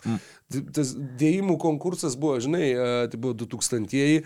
Tai buvo tie laikai, kai tu turėdavai kompiuterį, bet tu neturėdavai interneto. Ir būdavo keletas labai populiarių video, kurie tiesiog kompaktuose, tu žinai, įsirašydavai iš kažko ir ten ateidavo draugai pas tave ir buvo kokie 4-5 video, kuriuos, kuriuos visą laiką sukdavo. Tas dėjimų konkursas buvo. Tai turbūt yra daugiausiai ne internete, nu, tipo, ne YouTube, peržiūrėtas video gal net pasaulio istorijoje. Wow. Pamelos Anderson sextape ir Vinco Carterio dėjimų konkursas. Yra va, to laikmečio du video, kuriuos visi, nu, tai buvo, eik, dar dabar mintinai atsimenu visą tą Let's Go Home reikalą, nu, tai buvo fantastika, tiesiog fantastika. Man tai komentatoriai dar, žinai, stringa ten e, po Griffino dėjimo būdavo kliperių tas komentatorius, kur Oh me, oh my. O, ir Ralph Lawler. Monster Jam by Blake Griffin. Jau baigęs karjerą, nuostabus komentatorius, e, nu jam jau ten dabar nežinau, kiek netoli 80 turbūt. Jisai turėjo labai įdomų dalyką, jisai turėjo Lawler's Law, kurį jisai, kiek pasakojo, pasigavo nuo kažko tai kito, bet nu, jis visą laiką sakydavo, kad that's the law ir kadangi jo pavardė Ralph Lawler, tai tą pradėjo vadinti Lawler's Law. Jis nuo kokių 80, gal 85 metų sakydavo, ta komanda, kuri pirma įmeta 100 taškų, laimės rungtynės. That's the law. Ir kad tai labai dažnai tam pasitvirtindavo, nu realiai gal apie 90 procentų laiko, taip ir yra. Ta komanda, kuri mm. įmetė pirmą šimtą taškų, nu žinai, čia kokiame LKL, tai apskritai pas mus tą šimtą taškų įmeta tam per jauną menulį, bet NBA lygoje, nu tai toks kasdieniškas reikalas. Tai kas pirmas įmetė šimtą, tas laimės rungtynės, that's the law. Tai vad, oh me, oh my yra, yra mm. tas pats žmogus, kuris turėjo šitą. šitą Nu ką, čia taip. Esi įdėjęs į krepšį vaidą? Esugi, sakiau, per podcastą vieną Tiškevičius skambino A, šal... jo, tiksliai. šalkui mano treneriui ir, ir mm, gerai dėdavau vieną ranką, iki tiek būdavo virš lanko, sunku Wow. patikėti, bet galim paklausti, va, Šalkaus, Rolandas Kaisgirio, Ryčio Sabo, teisėjų, Brazausko, Zaliecko. Tai jie yra matę. Aš esu pasiekęs lentą. Gal ir sunku patikėti, Nu, bet, to- žinok, esu. Be taburetės? Jo, jo, jo, pasiek lentą, tai jo, galiu. Tai va dabar. Nu, galėdavau, dabar turbūt jau negalėčiau. Bet dabar dedu tik skersą arba... 7bet lažybos. 7bet kazino. Lošimo automatai. 7bet. Nesėkmingas lošimas gali sukelti priklausomybę. Aš e, iš tikrųjų šį savaitgalį žengiau tokį žingsnį, nuėjau į www.profitus.lt ir e, susikūriau paskirtą. Oho. Uh, Tai tu bagotas žmogus, basket news'e dirbi, turi ką investuoti? Taip, e, čia tikrai, yra basket news, čia, ne tik- football news. tikrai Jonas gerbė savo darbuotojus. E, Kol kas tik tai užsiregistravau, buvo įdomu patirinėti, kas tenais yra, nes vis tiek reklamuoju šitą produktą ir norisi pasižiūrėti, kaip tenais viskas veikia. Tai iš tikrųjų patiko tenais, kiek ten visokių tų nekilnojamo turto projektų yra visokiausių, tai gal šiek tiek ir plačiau papasakosiu. Tai e, Profitus yra sutelktinio finansavimo lyderė Lietuvoje. Jie sako, investuokite į na, nekilnojamo turto projektų vystimo finansavimą. Tai tiesiog, ką jums reikia padaryti, tai užsiregistruoti į, užsiregistruoti paskirtą profitus.lt, įsidėti į savo investuotojo piniginę bent 100 eurų, kas šiaip nu, nėra labai didelė kažkokia suma, čia tikrai e, galima, galima tiesiog pasibandyti su ją. O dar e, su koduku basketinius 25 gausite 25 eurų dovaną investavimo pradžiai. Tai dabar jau turiu savo sąskaitą 125 eurus. Prašau. Ir, ir dabar pakėlė, beli, žiūriu. beliko tik tais išsirinkti tą projektą. Šiaip kiek, tiek, kiek teko žiūr- žiūrinėti ten tos projektus, tai jau dauguma yra su, surinkta ta tik, tikslas tas maždaug, nes tenais kiekvienam projektui yra tikslas, kurį reikia surinkti kažkokią pinigų sumą. Ir yra tie, kurie dar dabar laukia, kol bus tas surinkta suma, tai juos gali investuoti ir gali pasižiūrėti, kokie projektai jau yra pavykę. Ir tenais yra jų begalė, ta prasme. Ir kai kurie, ta prasme, gali, ga, ga, pavyzdžiui, Vilniui, nu, atpažįstami tiesiog, pamatai, žinai, ir kad, o, šitą, proje, šitą projektą mačiau, kad jisai daromas, tai gali netgi apžiūrėti, kur tavo tie pinigėliai nukeliauja. Hmm. Tai va. A, tai va. Tai aš tai žinau, gal susikursiu turbūt po naujų metų, nes e, jo, iki šiol daugiausiai investuoju į pramogų pasaulį, e, ro, Rokas tą žino. Tikrai tai. Oi, Tai va, va, bet- bet... vakarėlių liūtas. E, tai taip. Ir e, ką norėjau pasakyti, kad, e, nu, šimtas eurų, aišku, didelė suma, bet nu, per naujų metų laikotarpį aš dažniausiai praturtėju, nes e, organizuoju protmušius e, naujametinius kalėdinius firmom ar šiaip draugų vaka, vakarėliuose, tai e, va tada pastorinsiu piniginę ir e, galbūt investuosiu, susikursiu tą paskirtą. Tai tiesa, kas dar liko laisvų vietų, kas nori protmušio, protmušio medinių bairių, rašykit man. Jo, aš dar vieną dalyką prisiminiau, tai e, kai susikūriau tą paskirtą, tai man reikėjo užpildyti ir klausimyną, kokia yra mano investavimo patirtis, e, ar aš esu kad nors investavęs, mm. ko aš niekada nesu daręs, ta prasme, jie įvertina, kiek tu esi apskritai turi žinių tame toje srityje ir tada jau e, pateikia, ta prasme, pagal tavo galimybės rekomendacijas. Ir tuo pačiu pabrėžti reikia, kad na, investavimas vis tiek visuomet yra susijęs su rizika prarasti bent jau dalį ar, ar, ar visą investiciją. Tai jeigu jūs esat kaip aš, kuris niekada nesat susidūrę, nu, tai tiesiog įsi- įsidėsi tą 100 eurų, dasimėsi dar 25 ir galbūt nebus toks e, skaudus tas praradimas, jau jeigu įvyktų jisai, kas šiaip, nu, e, vis tiek, kaip jie rašo, ta vidutinė met- metinė graža siekia 10, daugiau nei 10 procentų, tai tikrai solidu. Tai, tai va. Nu ką, sugrįžtam gal prie, prie krepšinio. Turėjom dar vienas labai įdomias rungtynes, kai susidūrė Jonava, Jonavos Sibet ir Utenos Juventus. Dar vienas šiaip labai panašus mačas į tai, kas vyko Žalgryje su Neptūnu, nes Jonava irgi išėjo, kaip, kaip sako amerikiečiai, guns blazing. Ir antrajame kelnyje pirmavo 48-23 visiškas dominavimas. Ten pataikė visi, ypač ten Gandija Rosa, Marelija po keturis e, iš penkių tritaškių sumetė. Tai Bet kartu, aišku, gal tuo irgi panašus scenarius, kad e, Utena sugrįžo po antros pusės ir turėjo realų labai šansą kabintis, ten visi užsivedė. Reimontas Kerstis ten su ginto automatuliu atsistoja, jau ploja ten komandai.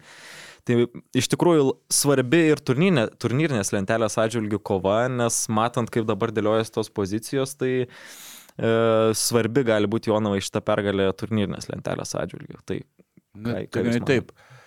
Irgi netikėta buvo, favoritai buvo lik ir ir, lažybų bendrovės tą, e, tą akcentavo, bet aišku, Jo- Jonava yra neprognozuojama, ko, kovinga komanda, ypač savo žiūrovo akivaizdai.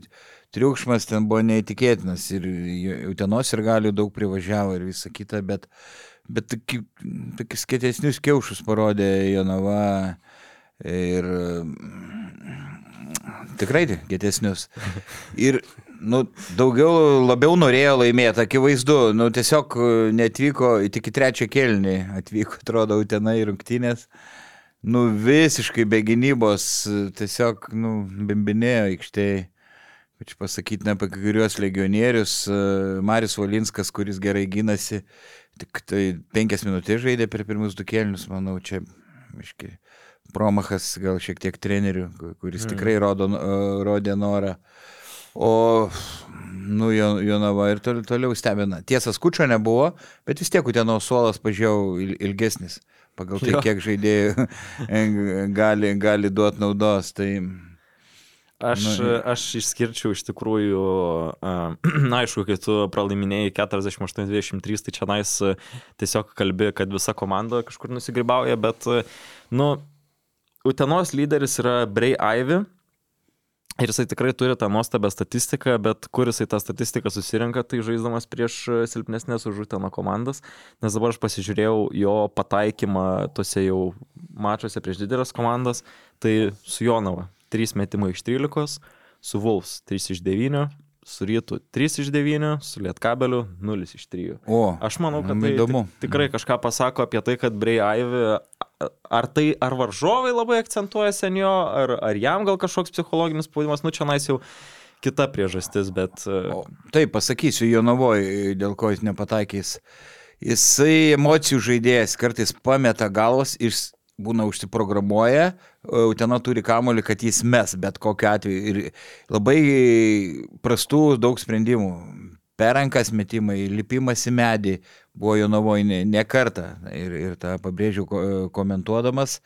Ir jis pameta tą kartais šaltą protą ir nori, nu, nerės iš kailio, kad tik pelnytų taškus. Tai reikėtų gal jam šiek tiek nuleisti gazą, pasidaryti komandos draugus ir, ir pačiam ne, nesiauti. Tai aišku, individualiai stiprus žaidėjas, geras, geras žaidėjas, bet kaip gerai pastebėjai, prieš stipresnės komandas jisai kažkaip e, pranyksta ir apskritai jau ten dabar silpniau žaidžia negu sezono pradžioj.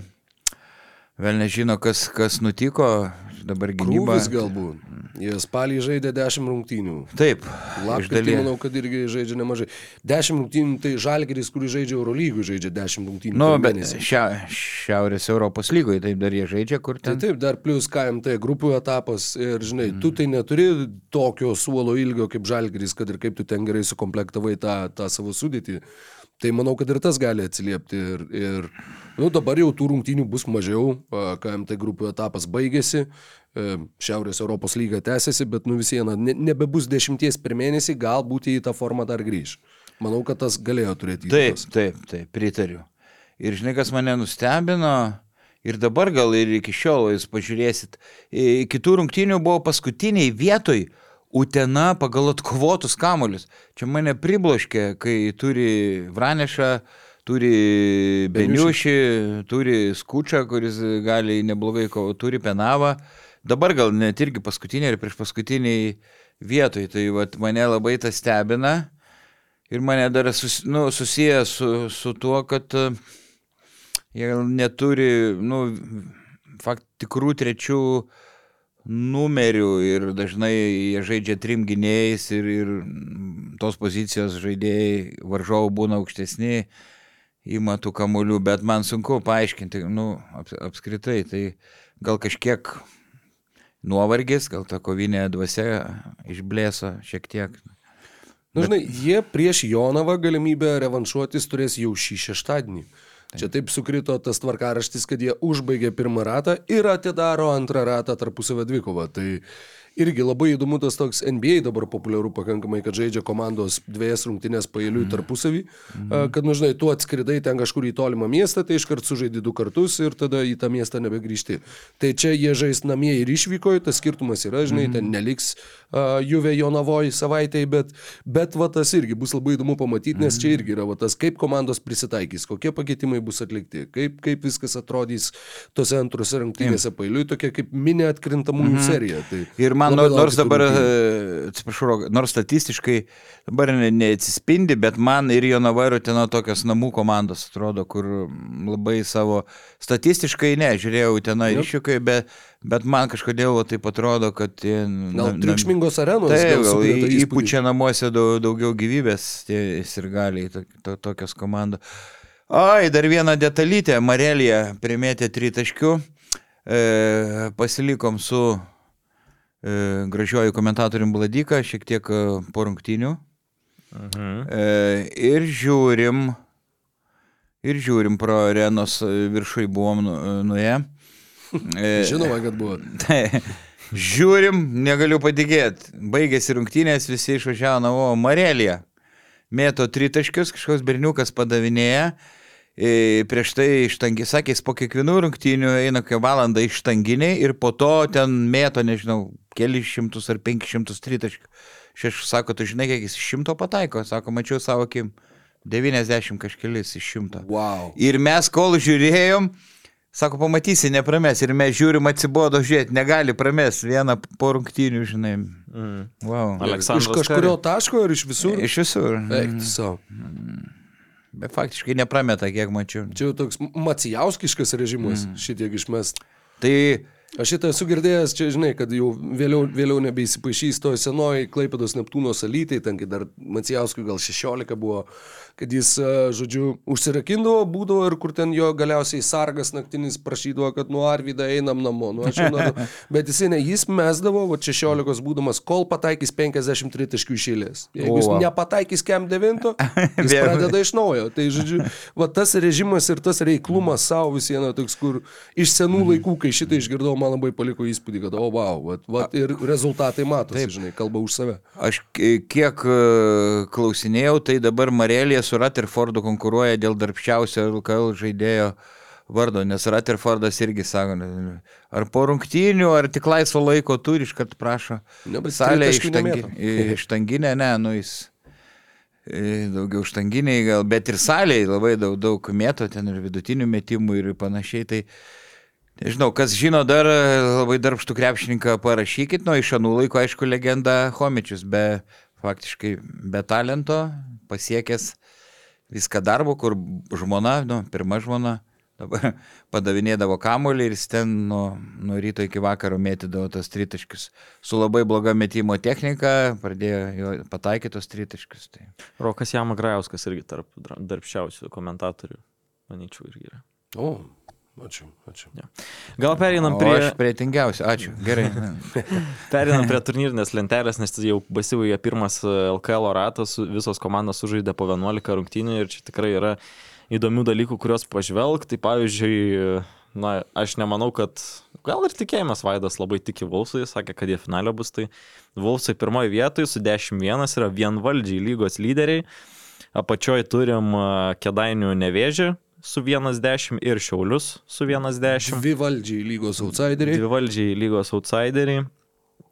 Tai gal, kas, kas gal jūsų didžiausias surprizas kol kas yra turnyriniai lenteliai e, žvelgiant?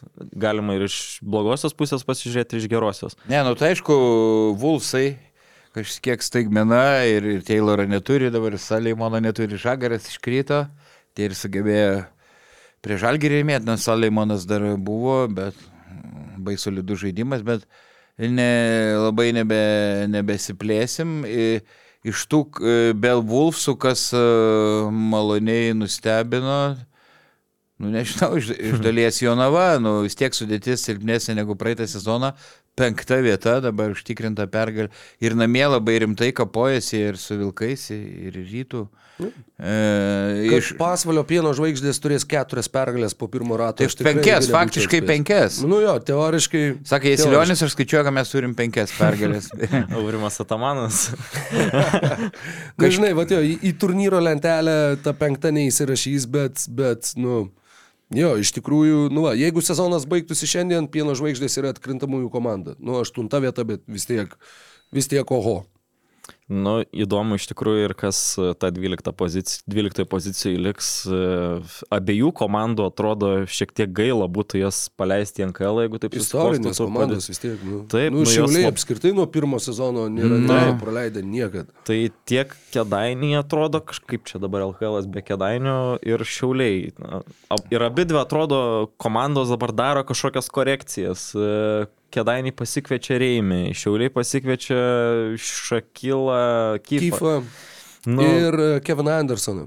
Jo, tai, nu, įdomu, kaip čia susiklostys. Tuo pačiu garždai irgi pačioj, pačiam sezono pradžioje sakėm, nu čia viskas jau paskutinė lygos komanda ir matom, atvažiavo Larsonas, atvažiavo Wardas ir jie Taip. jau kapstosi iš... Taip, iš- viskas iš gali pasikeisti čia. Nu. Turiu tik tai dėl vieno dalyko pasitaisyti, Šiauliai nuo antro sezono žaidžia LKL. Pirmame jų nebuvo. Nebuvo? Nebuvo. Kauno drobė buvo. Kauno drobėje, Kauno uh, mhm. lavera. Taip, e, Šilutė. didžiausias nusivylimas, nu tai arklio, aišku, kad, kad šiauliai.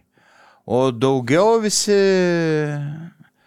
nu ir prie nusivylimų žalgeris iš dalies. Taip, aišku, žinoma. Ta prasme, jeigu iki, iki pralaimėjimo Neptūnui dar galėjom sakyti, kad, nu, okei, okay, dar, dar vis kažkur Žinai, taip, savo orbitoje maždaug. Darda, barška, bet važiuoja. Bet Jo. dabar tai jau yra toks, kur nu, tie, tie užsikirtimai darosi vis ryškesni.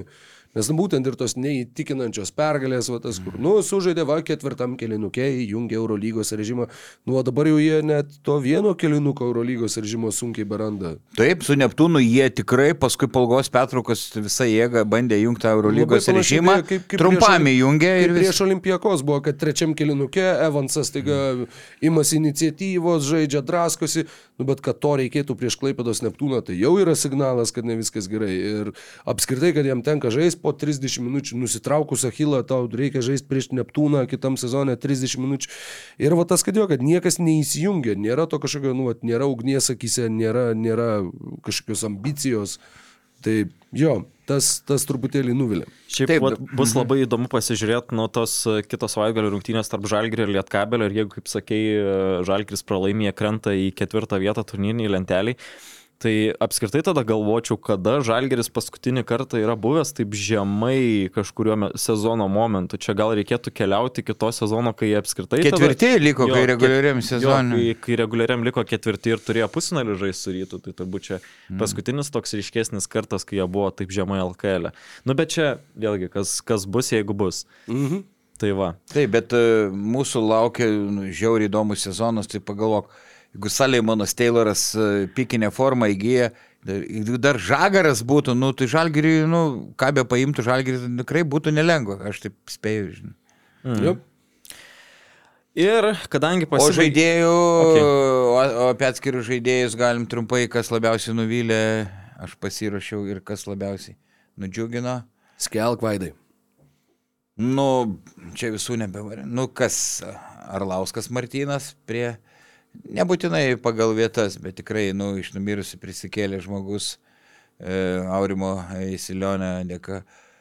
E, Paulius Danusevičius e, padarė didelę pažangą, Martynas Paliukienas padarė.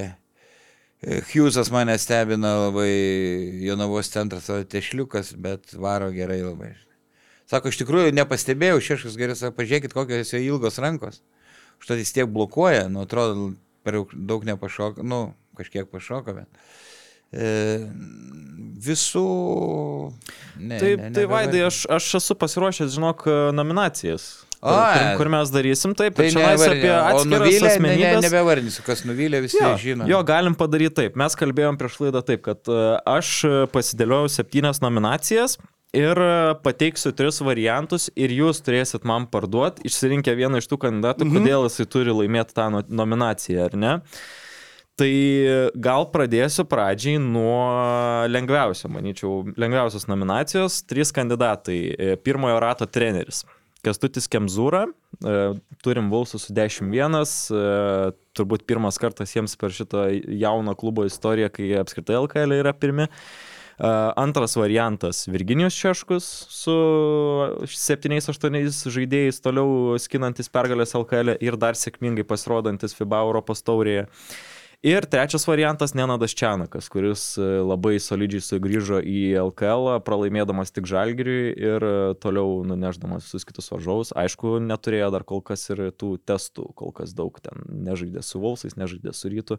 Tai va, tai parduokit man, kuris iš šių trijų variantų yra pirmojo rato Aš, treneris. aš dar du norėčiau paminėti kaip uh, garbingus paminėjimus, okay. kaip honorable mentions Aurimą Jesilionį ir Laimoną Inglinską, Okay. kurie tikrai irgi, nu, vat, dirba ir, ir, ir rezultatai matos. A, Geriausias pirmo trečdalio treneris yra Kestutis Kemzūra. Tai vis tiek tu esi pirmoje vietoje LKL, tu dvi ženkliais skirtumais laimėjai tiek prieš šitą, tiek prieš žalgerį. Vienintelis, vienintelis pralaimėjimas prieš lietkabelį po pratesimo rungtynėse, kur iškrito žagaras visam sezonui. Tai aš net išskirčiau ne tik Kestutį Kemzūrą, bet čia žinai, kaip Gedrius Žibėnas mėgsta akcentuoti savo trenerių štabą. Tai lygiai taip pat ir Vulfsuose a, Marius Leonavičius ir Nedas Pacevičius, du žmonės turintys a, Vienas, sakykime, mini, kitas mikro patirties LKL vyriausių trenerių postą, bet, žaid, sakau, žaidėjai treneriai, kurie tikrai manau, kad ir turi ambicijos, ir, ir tikrai irgi prisideda prie klubo sėkmingų rezultatų. Tai uh, kaip ir esam nekartą sakę, dabar jau be dviejų, be trijų svarbių krepšininkų, būti tokioje situacijoje, būti pirmoje vietoje yra labai solidus mm. pasiekimas. Mes galim kalbėti apie tai, kad Žalgeris ir rytas neatrodo taip užtikrintai ir turi savų problemų, bet, nu, skaičiai nemeluoja. 10-1, pirma vieta. Taip. Ir, ir Vaidai, sugebėsi pasiginčyti ar pritarsi? Pritarsiu, viską pasakė Rokas į dešimtuką, tai ką aš norėjau pasakyti, aš sakyčiau, Vilkai turi stiprų trenerių štabą, panašiai kaip Žalgeris, tokį beržinikaitį turi, wow.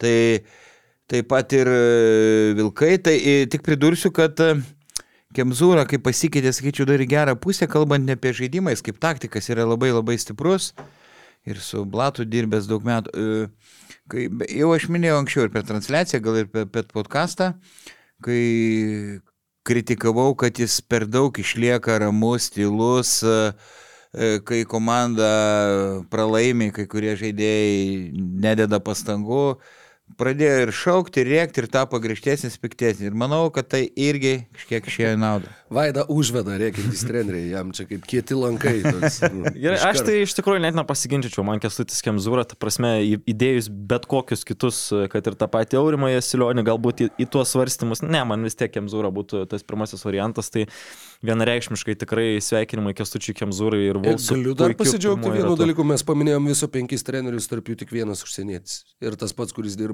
penktą sezoną realiai Lietuvoje. Taip, taip. Gerai, Tai va ir ačiū Kestučiui Kemzūrai.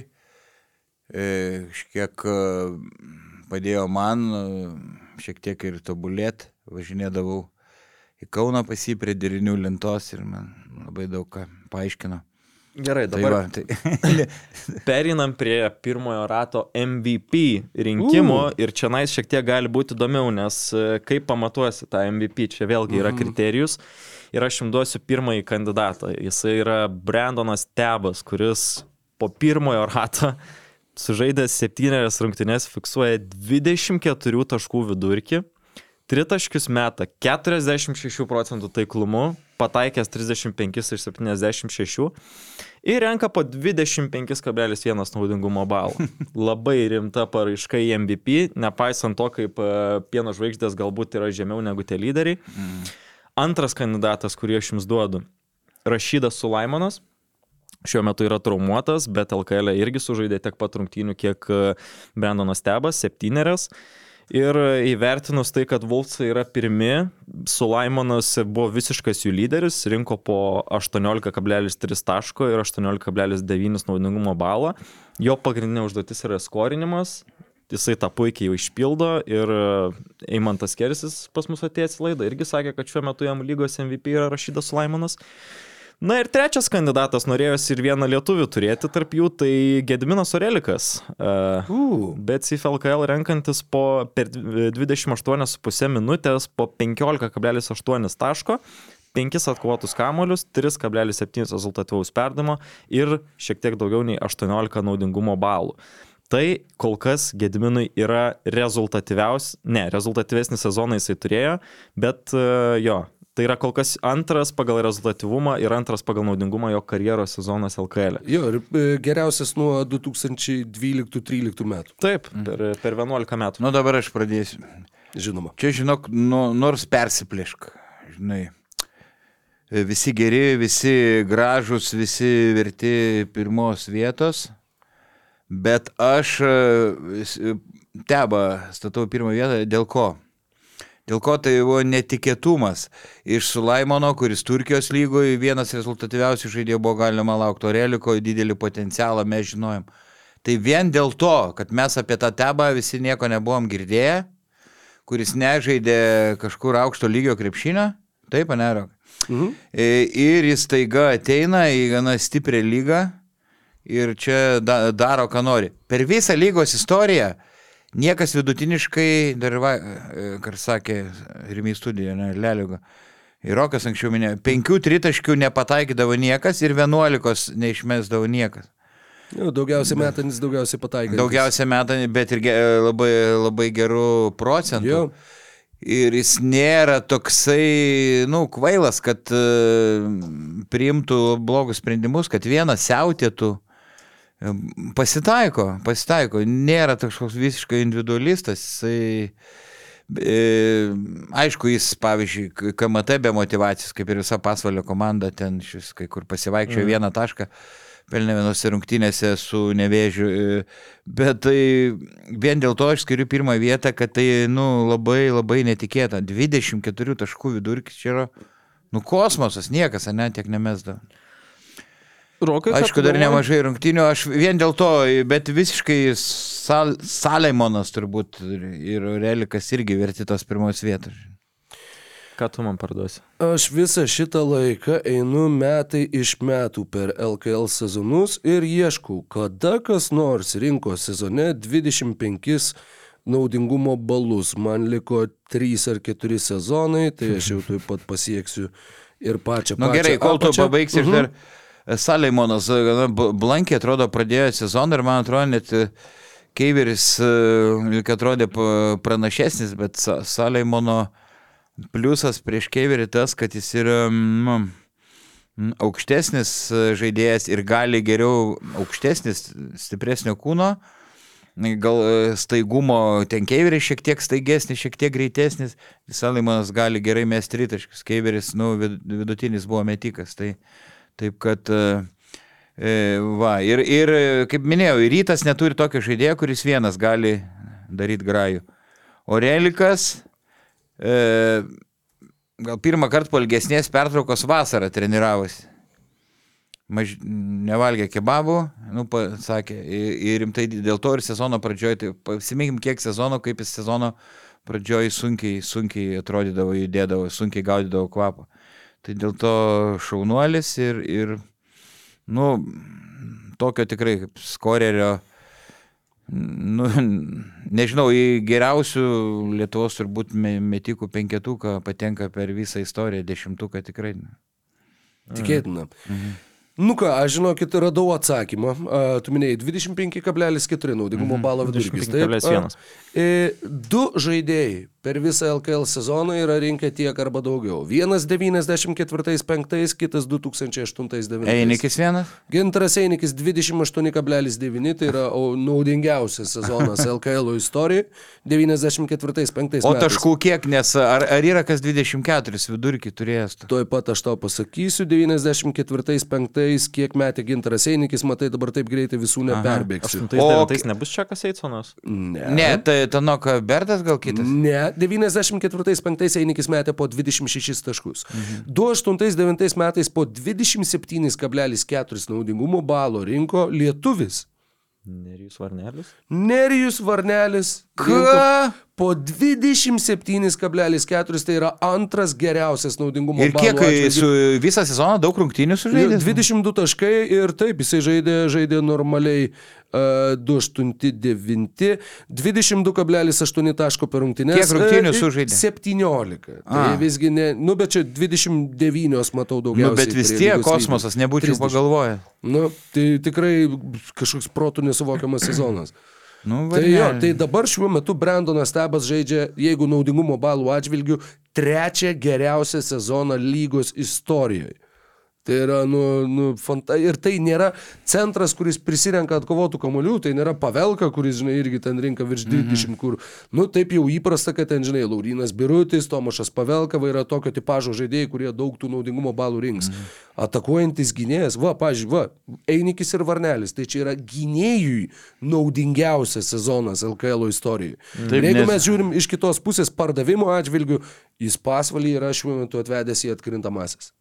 Ir 4-7, tai vad jo dar ketverios praleistos rungtynės, sužaidė tik septynerias. Tai taip, tai yra MVP, ryškiai MVP ir Tai juo tu labiau irgi jį niekur renkė- atėjęs MVP. renkiesi. Jo, jo, nu, nu Aš tik yra- tai vat, pabrėšiu, kodėl neįtraukiau Tomašo Pavelkos tarp kandidatų, tai komanda 1-10. Nemanau, kad toks, to, tokios komandos žaidėjas gali būti Aš laikomas galvoju, kad tau dabar Slovakai nepatinka, kai į valdžią atėjo. Prie Ukrainos neberim. Gerai, e, jo, tebas, sutinku. e, Einam prie už kitos. Golomaną irgi nebūtumėm balsavę. Einam prie kitos. Ne, ne, ne, jie- Trumpą palaiko. Einam prie kitos nominacijos, nes čia ilgai, ilgai užsitemsim. Turim pirmojo rato proveržį. Trys lietuviai, kuriuos aš jums bandau parduoti. Tai pradėsiu nuo, jūs, e, nuo Martino Orlausko, kuris, e, kuris jau buvo čia apdainuotas. Tai akivaizdu, kad labai pakilęs yra ir taškų ir naudingumo vidurkis praėjusią sezoną pasaulio pieno žvaigždėse apskritai žaidė vos po 7 minutės ir rinkdavo po 1,5 taško 1,4 naudingumo balo.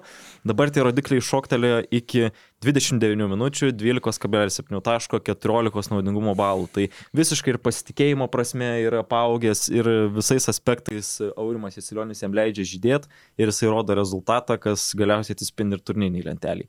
Kitas proveržis, kuris žaidžia iš tikrųjų dar naudingesnį sezoną, yra Justas Furmanavičius, būdamas Yes, sir. 29 irgi pernai žaidė pasvalyje ir per 24 minutės rinko po 7,6 taško, 8,4 naudingumo balo, kas šiaip nu, yra ne, toks Lygus vidurkis. Jo, o šiemet garžduose per 30 minučių renka po 13 taškų ir 17,3 naudingumo balo.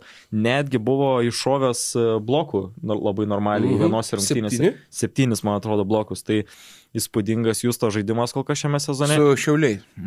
Ir dar vienas žmogus e, žaidžiantis geriausią karjeros e, sezoną LKL, per e, kuris jam yra jau devintasis, tai Ignas Vaitkus, kuris būdamas 30, kėdainių nevėžyje per 29 minutės renka po 12,9 taško ir 15,2 naudingumo balo. Aš matau dviejų žirgų lenktynės šioje, šioje Aš- situacijoje. Aš tai, jeigu aš dabar man davai žodį, ne, tai e, taip, pagarbos verti ir Formanavičius, ir Vaitkus, labai, bet aš vis dėlto renkuosi Arlauską. Dėl ko? Mm, jau minėjau, nežinau, girdėjot, gal ir podkastė, kad teko su tėčiu pasikalbėti ir praeitą sezoną, kai jis grįžo iš Amerikos ir pasvaly gaudavo šiukšlių minutės ir per tas kelias minutės nie, nie, nieko nenuveikdavo, palūžęs psichologiškai, sako, jau svarsto apie karjeros, karjeros pabaigą, gal reikės baigti su tuo krepšiniu. Kaip panašiai Maldūnas irgi norėjo tam mhm. bankininku. Tai įsivaizduok, va, ką kalbėjau jau tam podcast'e apie pasitikėjimą, ką padarė Įsilionis, jam kalė į galvą, kad tu geras žaidėjas, tu gali būti lyderis. Ir ne, ne tik kalbėjo, bet ir davė daug minučių. Ir e, būtų kažkiek nesisekę, manau, vis tiek jam būtų davęs, kad, kad pralaužtų. Tai ir čia trenerio nuopelnas, labai didelį, aišku, ir paties Martino nuopelnas gal susitvarkė su psichologija savo mitim, bet labai padėjo, padėjo treneris, kuris e, treniravo Arlauską dar anksčiau, vaikų krepšinėje. Tai aš dėl to rinkuosi Martyną. Uh. Jo, aš pritariu, nors uh sakykime, kai jaunas žaidėjas taip bliksteli, tai yra viena, kai mes kalbam apie 29 ar 30 sulaukusius žaidėjus, tau atlikti tą kokybinį tokį šuolį, na, yra dar sunkiau. Tai labai dideli komplimentai tiek Justui Furmanavičiui, tiek Ignui Vaitkui, bet Jeigu mes žiūrėtume būtent to labiausiai patobulėjusio va, metų proveržio, nu tu perskaitai tuos skaičius, žaidėjas faktiškai dešimteriopai pakėlė savo produktyvumą, mes turbūt nesam irgi tokio atvejo net, net matę LKL. E. Dar taip pat Paulių Danusevičių norėčiau paminėti prie garbingų paminėjimų, taip pat e, žmogus žaidžiantis labai gerą sezoną. Bet vėlgi, komanda kažkurio ir pasižiūrėjau jo statistiką, nu nebuvo kažkoks labai didelis kilstelėjimas nuo praėjusių mm -hmm. metų, nes praėjusią sezoną Paulius Danusevičius irgi buvo žmogus šovėsi mm -hmm. viršų, o šiemet, na, na, taip, dviem naudingumo balais galbūt daugiau, taškų irgi kažkiek daugiau, bet mes jau to ir tikėjomės iš Danusevičiaus. Jo, jo, vad Martinas Arlauskas tikrai didžiausias taigmena ja. ir, ir e, taip pat didžiausias džiaugsmas iš e, lietuviško krepšinio perspektyvos mm. žvelgiant. Taip, gerai. Ir tėvas, e, legendinis žalgių reginėjas Mindaugas Arlauskas, tie, tie genai. Ir tėvas, ties ir tėtis Mindaugas labai daug, daug prisidėjo, gal, galbūt per, perlaužtų savo sūnų, pakeistų jo mąstymą. Tai bravo. Gerai, dabar pasimam burokinę tarką, nes reikės tarkuoti kažką. E, turim pirmojo rato nusivylimą išrinkti. Yra trys kandidatai. Pirmasis Vilniaus ryto gynėjas Kytas Hornsby kuris atvažiavo kaip išreikštas sniperis e, į Markuso Fosterio vietą, bet visai kitoks žaidėjas, nėra kažkoks labai sugebantis vienas prieš vieną žaisti, labiau e, išvedamas metimams ir kol kas tų metimų visiškai nepataiko.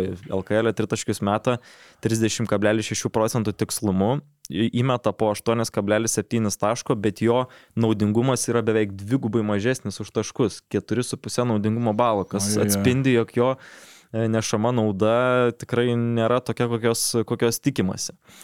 Antras žmogus, e, kuris, sakyčiau, buvo projektuojamas, na, kaip pagrindinis turbūt žmogus kėdainių nevėžė, Lovrė Bašičius, kuris šį sezoną turėjo patį blogiausią naudingumo balo, naudingumo balo atžvilgių pasirodymą su minus 9.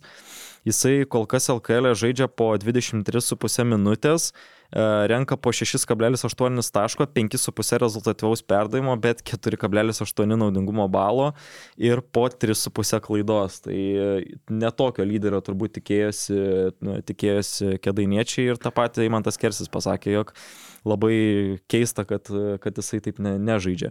Ir dar tritaškai 23 procentai. Skirsi šiandien visais klausimais, kaip Stano pasisako. Stano šiandien mačiau degalinį. Tai va, Nes, ir, a, kokiu klausimu pasisakinėjo tuo metu? Ir, ne, man siūlė, kurie geresni ten kebabai, žinai. Ir vieną lietuvių dar įtraukiau, kad ir kaip nesinori jų įtraukinėti, tai šiaulių jau Šiauliuose penktą sezoną pradėjusi Eimantas Tankievičius. 2,4 balo. 2,4 balo su 24 procentų tritaškių pataikymu ir 5,8 taško žemiausias, antras žemiausias jo rezultatas. 2,4 naudingumo balo, praščiausias karjeros rezultatas LKL. Labai liūdna dėl šito.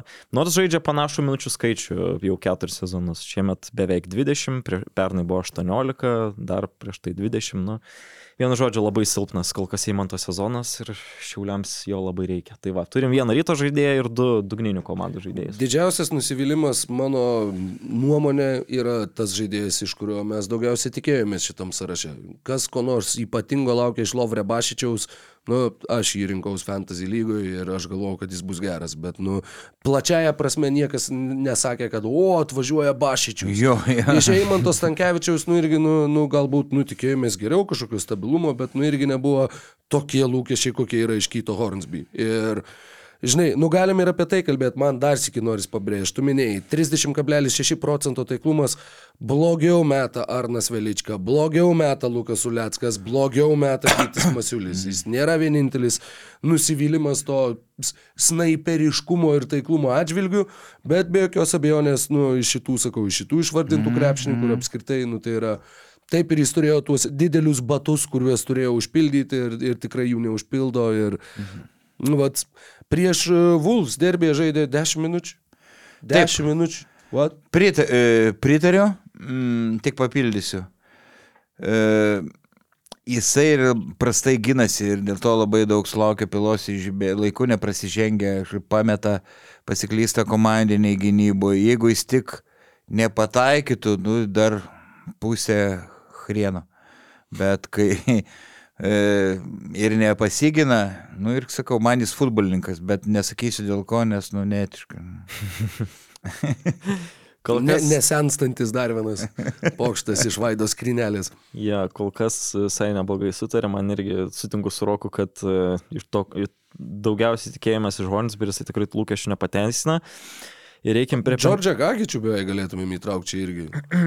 Nu, Nu, bet... aišku, jis ne nuo sezono pradžios, nu ir aišku, ne tiek daug iš Ne, tai gal Oko, labiau Vinio Oko, Nu, bet, bet jie- buvo- kuo, bet jisai jau ne, nebėra jo jau jo tai išvarė ne, neverta ir, ir kažkiek Čionsi Collinsą, ir Lambrechtą pamiršom, jo, Lambrechtą prisirašęs, nu kažkiek Uliackas, e, taip, taip, kad. Mm. Tai, tai va. Tai. Nu, bet toks ryškiausias tikrai Hornsby, manyčiau. Manau, kad kalbama manau, apie jį. taip. tai gerai, galima ant jo pavaryti. Skiriam sidabrinę tarką už, už pirmą sezono trečdalį. Taip, pirmojo rato auč renkam. Uh, Uf, oi. pir, pirmasis, pirmasis pirmojo rato auč nominacijos pretendentas yra Arturs Žagars. Uh, patyręs labai nu, žiaurę traumą apie mačią su Lietkabeliu, kai atsimušė į, į, į Vitenį Lipkevičių. Uh, antrasis uh, nominantas Danielis Dolensas. Iš kitos pusės nebuvo galiausiai išsiaiškinta, kad nebuvo tenais galbūt tokia rimta, kaip tikėtasi trauma, nes iškrito dviem, trim uh, mėnesiam. Nors Nu, bet girnelė tiesiog. jo, ten išėjo. irgi fan, mm. faną mojavo, ta prasme, ir Klaipados fanai gražiai atsistoja, ploja nu vienu žodžiu. Ir uh, Alenas Hadžibegovičius, kur turbūt pačioj apmaudžiausiai situacijai patyrė traumą, kur tiesiog band, nu, įdėjo į krepšį ir nesėkmingai nusileido. Tai kuris jums yra didžiausias auč? Tu lietuviškai gal ne visi supranta. Tai lietuškai tai au. ne, šiaip labai tokia net, nežinau, ne, Nu, taip sutapo, kad turėjom tris tokius atvejus. netaktiška, žinai, nominacija, bet uh, apie Hadžibegovičių dar kalbant, taip uh, neoficialiais šaltiniais nuo 8 iki 10 mėnesių. Uh, O Jezu. Meniskas, raišiai, viskas ten išėjo, žodžiu, tam, tam kelyje, tai nu, šiam sezonė jo irgi Ne, šiaip žiauru, nes jo stiprybė šuolis. o- Taip, taip, taip. Nu, bet e, Artur Žagars, žinant jo traumų istoriją, nu, buvo tikrai, buvo labai apmaudu, sakau, niekada nepamiršiu, kad, kad e, tą vakarą viriau žuvienę ir kad draugė pamačius tą traumą tiesiog sakė, atsiprašau labai skanu, bet aš nebegaliu valgyti. Tai, nu, nes buvo iki tiek tas tiesiog sukrečiantis pojūtis, matant, matant visą tą situaciją. E, ne. Sutarėm, ne? Taip. Žiauru, o jūsų nuomonė iš tų traumų patyrusių žaidėjų, e, kuriai komandai tai buvo didžiausias nuostolis? Va. Gal, gal Nu, irgi. Sunku, irgi taip. sunku pasakyti dabar, nes kai iškrito žagaras, tai labai su, sujudėjo Kristupo Žemaitis, e, pradėjo labai stipriai performinti. E, Gal Nu, sakyčiau, ką? Dolensas gal didžiausias praradimas Nu. mažiekiam, tai matant, Nu, kai jo neturėjo, jam nekaip sekėsi. Tai. jo. Jį dabar dar neturi, bet Nu, pakvietė naujoką. Nu. Dieve net nepasakyčiau pavardės. to Hawkinsas, Deontay. Hawkinsas. A, taip, tu visiškai teisus. Tai va, tai kol kas tenais jam irgi dar įsivažiuoti reikia laiko, tai gal kol Bet kas buvo, ten buvo Dolensas. taip toks gražus potencialus duetas, čia kaip Liolekas ir Bolekas, Kolinsas ir Dolensas. Bet, nu, vat, Kolinsas ir Dolinsas, jo, da, Danieliui Leman, Danielius ir Lemanas. O Žagaras, beje, nu, girdėjot, e, vyko rinkimai labai nirtingi dėl geriausio Latvijos krepšininko titulo ir aplenkė jis e, Rolandą Šmitą ir tapo geriausiu Latvijos krepšininku nu, sezonu. tai sakyčiau, ir Kristapą Porzingį net labiau akcentuočiau negu A, Rolandą nu, Šmitą. nu, matai, Porzingio nebuvo pasaulio čempionate. Tai čia. Nu jo, men. Gerai, dabar išrenkam geriausias rungtynes. E, Pirmas variantas - Lietkabelis su Wolfs. Dviejų pratesimų mūšis pasibaigęs e, Lietkabelio pergalę. Antras variantas - vakar įvykęs Žalgeris Neptūnas. Galvoju, kad tai sensacijos prasme, e, kažkuria prasme galėjo jums patikti kaip rungtynės. Ir trečias variantas e, - Jonavos Sybet pieno žvaigždės įspūdingas išsigelbėjimas Jonavos keliais tritaškiais pabaigoje. Visiškai. Nu, su, suteptas, taip sakant, kitų aplinkybių. A, Ar dar Nu, turi iš- kažkokių kitų variantų geriausių rungtynių? Taip tiesiai, iš karto, žinok, niekas nešauna į galvą, bet, nu, iš, iš išvardintų tai Lietkabelis Vulfs buvo įsimintiniausia kova, be jokios abejonės. Žalgeris Neptūnas nebuvo labai geros rungtynės, tai buvo jo, buvo sensacija, bet, nu, ar tai buvo kažkokia ten intriga iki pabaigos, ar tai buvo kažkoks, nežinau, estetinis ypatingas pasimėgavimas, ne, Ne. ne. Nu, tai čia kaip kiekvienas vertina. Man, pavyzdžiui, tikrai vienas įsimintiniausių sezono rungtynių vien dėl to, kad Žalgeris pralaimėjo.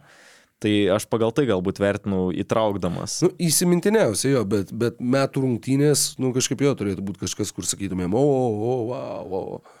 Tai, nu, tai turbūt, kad jo, nu, nors ir buvo ten ta trauma nelemta, bet, bet Lietkabelis prieš Bulvs buvo tikrai jo, kova, kokios, kokios daugiau nematėm šiais metais. O Sibet pieno žvaigždės ne, nepaliko tau įspūdžio. Nu, kur nesušvilpė žingsnių ir neteisingai sušvilpė baudą, tai čia išsigelbė, nu, kažkuria prasme jo, bet, bet ne, nu, tai mes vis vieną atsimenam jas dėl teisėjų klaidos.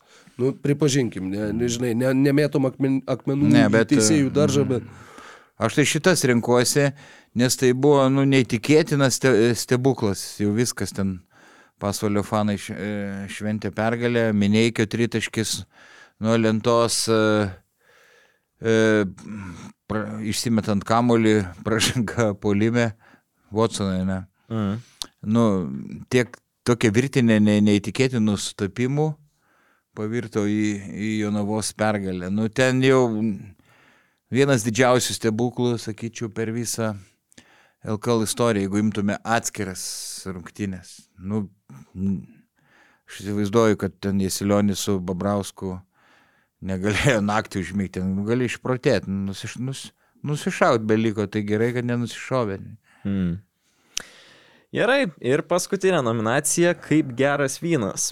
Turiu tris LKL veteranus. Atsiprašau, Gediminas Orelikas. Atsiprašau, aš jo net neįtraukiau. Tu jo net Aš jo net neįtraukiau. Geras vynas, nealkoholinis, koks čia Aš jo net neįtraukiau, vyną? nes jisai būtų, man atrodo, jauniausias iš tų, kuriuos aš pasirinkau. Nu, E, taip, jisai yra jauniausias, tai mes rinksime žaidėjus, kurie pagal mano kriterijus buvo rinkti virš 34 metų. 34 arba vyresni. Nu, tai okei, atsiprašau, Gedminai, Gedminas pats tavo laidoje sakė, kad aš ne, ne veteranas, aš taip, taip. patyręs žaidėjas. Tai šį kartą dar Oreliką palikim prie MVP kandidatų. Pirmas kandidatas kaip geras vynas - Martinas Gecevičius, kuris šį sezono metu papildė Mažiekių klubą ir per 24 minutės renka po 9,9 taško. Tritaškius pataiko 47 procentų taiklumu, pataikęs 21 iš 44, tai imtis irgi gana didelė. Jam tai yra 20 sezonas, e, tikriausiai 20, kaž, gal reikės pasitikslinti, nu bet vienu žodžiu, 35 tikrai neša labai didelę naudą komandai. Antras variantas, kurį aš jums teikiu, yra Artūras Jomantas, kuris 38 sugrįžta į LKL ir e, išpildo tokį centro vaidmenį mažai klube, tai 16,5 minutės, e, 7,4 taško, 3,9 atkovoto kamulio, 2,5 rezultatyvaus perdavimo ir 9,8 naudingumo balo. Tai turėjo ir labai įspūdingas vienas rungtynės su kedainiais, kai buvo arti trigubo dublio, 11 taškų, 9 atkovoti, atkovoti kamuoliai ir 8 asistai. Ir trečias e, Žygimantas Janavičius, kuris e, būdamas 34 renka po 9,6 taško ir 6,7 asistų. Septynis. Jo, tai kol kas, kiek žiūriu, geriausias jo rodiklis, ne, buvo viena, vienas sezonas geresnis asistų prasme. Bet įspūdinga, kad jisai jau penkis sezonus iš eilės, jo asistų vidurkis yra virš šešių. Tai išlaiko stabiliai tą, mhm. tos asistų žygis. Ir 13,6 naudingumo balo, tai geriausias naudingumo prasme iš trijų kandidatų. Man tai čia jo man tas su Janavičium irgi nors persiplėšk, pirmą, antrą vietą dalintus. Gecevičius trečioji, nu, irgi pagarba, jau Utenoj praeis e, tą aną sezoną, kai paskutinį kartą žaidė, jau ir visas tų tritaškių nepataikė, atrodo, sulėtėjęs, atrodo viskas į pensiją. Ir prašau, suži, atsigavo, e, sužydėjo vėl mažai iki komandai. Sakyčiau, ir traumas apsigydė, tas pats su Janavičiu, irgi jau atrodė, kad viskas, karjera artėja prie pabaigos, bet traumos praeitį, geras fizinis pasirengimas, e, labai, nu, nu gražu žiūrėti. O Jomantas, tai irgi jau jaučiasi atsakęs visų žalingų e, įpročių, e, puikiai atrodo. Turbūt vienintelis krepšininkas per visą Lietuvos krepšinio istoriją žaidęs visose penkiose pozicijose ir aš tą gerai atsimenu. Ir kai jis žaidinėjo kamuolį, ir antrų žaidė, ir trečių, ir ketvirtų, dabar penktų. E, nežinau, gal toks buvo Arvidas Sabonis, kuris, e, žinau, kad žaidė, kai ne, ne, neištyso, gaila Amžinatelis Fedorovas, jos pirmas treneris pasakytų, jis žaidė ir gynėjų, galbūt ir žaidėjų, nežinau, bet gal trečių numerį, ne, bet Jomantas tai tikrai visose pozicijose turbūt nėra, nėra Lietuvoje per visą istoriją tokio žaidėjo. Oh, man irgi, žinok, pasirinkti labai sudėtinga, bet uh, turbūt, kad aš visgi savo balsą skirčiau. Nu, matai, čia tas, kur amžius, nu, matėjo, jo man to amžius yra labai įspūdingas ir tai, kad jo, kad jis grįžo iš žemesnio lygio ir toliau atrodo labai solidžiai, uh, beje, toje minėtoje mūsų uh, mistinėje fantasy lygoje šiai savaitai pasėmiau Artūrą Jomantą. Tiksliau pasėmiau jau prieš savaitę, ko irgi nemaniau, kad padarysiu šiam sezone, bet jis žaidžia produktyviai, jis žaidžia puikų lapkričio mėnesį.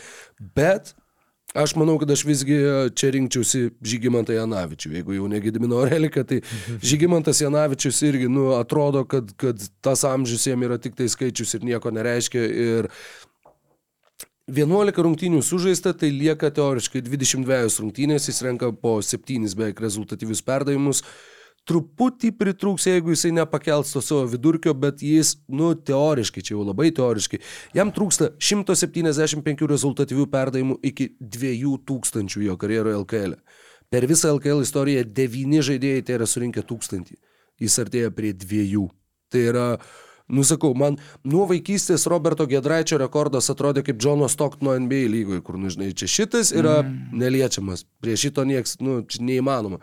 Dabar jau artėja, sakau, prie, faktiškai prie to, kad beveik padvigubintų mm. Žygimantas Janavičius ir man mm. tai yra, nu, kaip skaičius labai mėgstančiam žmogui, tai yra tiesiog.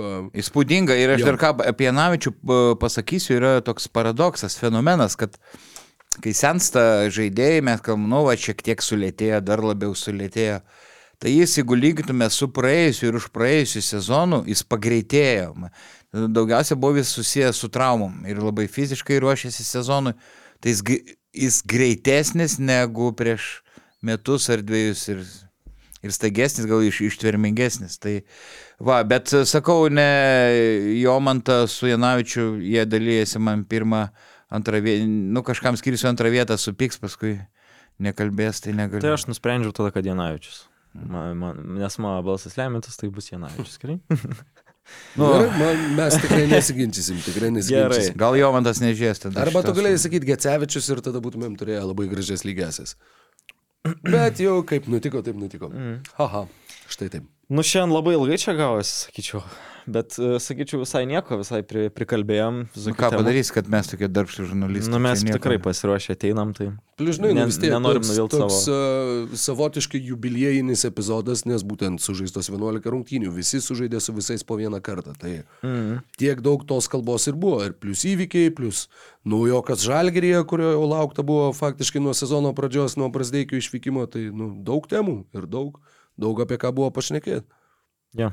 Tai susitiksim kitą savaitę, jau turėtų būti Lukas Zajančiauskas sugrįžęs, tai manęs tikriausiai nematysit, jeigu, jeigu Jama ir Vaidas galės. Tai va, bet dar pasijungsiu kažkada. Pasilgsim tavęs ir nebejojam, kad tikrai, tikrai, tikrai dar, dar, Dar- pasišnekučiuosim. Ja, ja, ja. Tai iki kitos savaitės, mėly zirovai. Okay. Nes, Laimingai. nesušalkit, rašykit man dėl protmušių. Ačiū, kad žiūrėjai šį podcastą. Paspausk like, taip bus pamatys dar daugiau žmonių, arba prenumeruok kanalą ir gausi informaciją iš karto. Nuo dar daugiau turinio BN ⁇. E.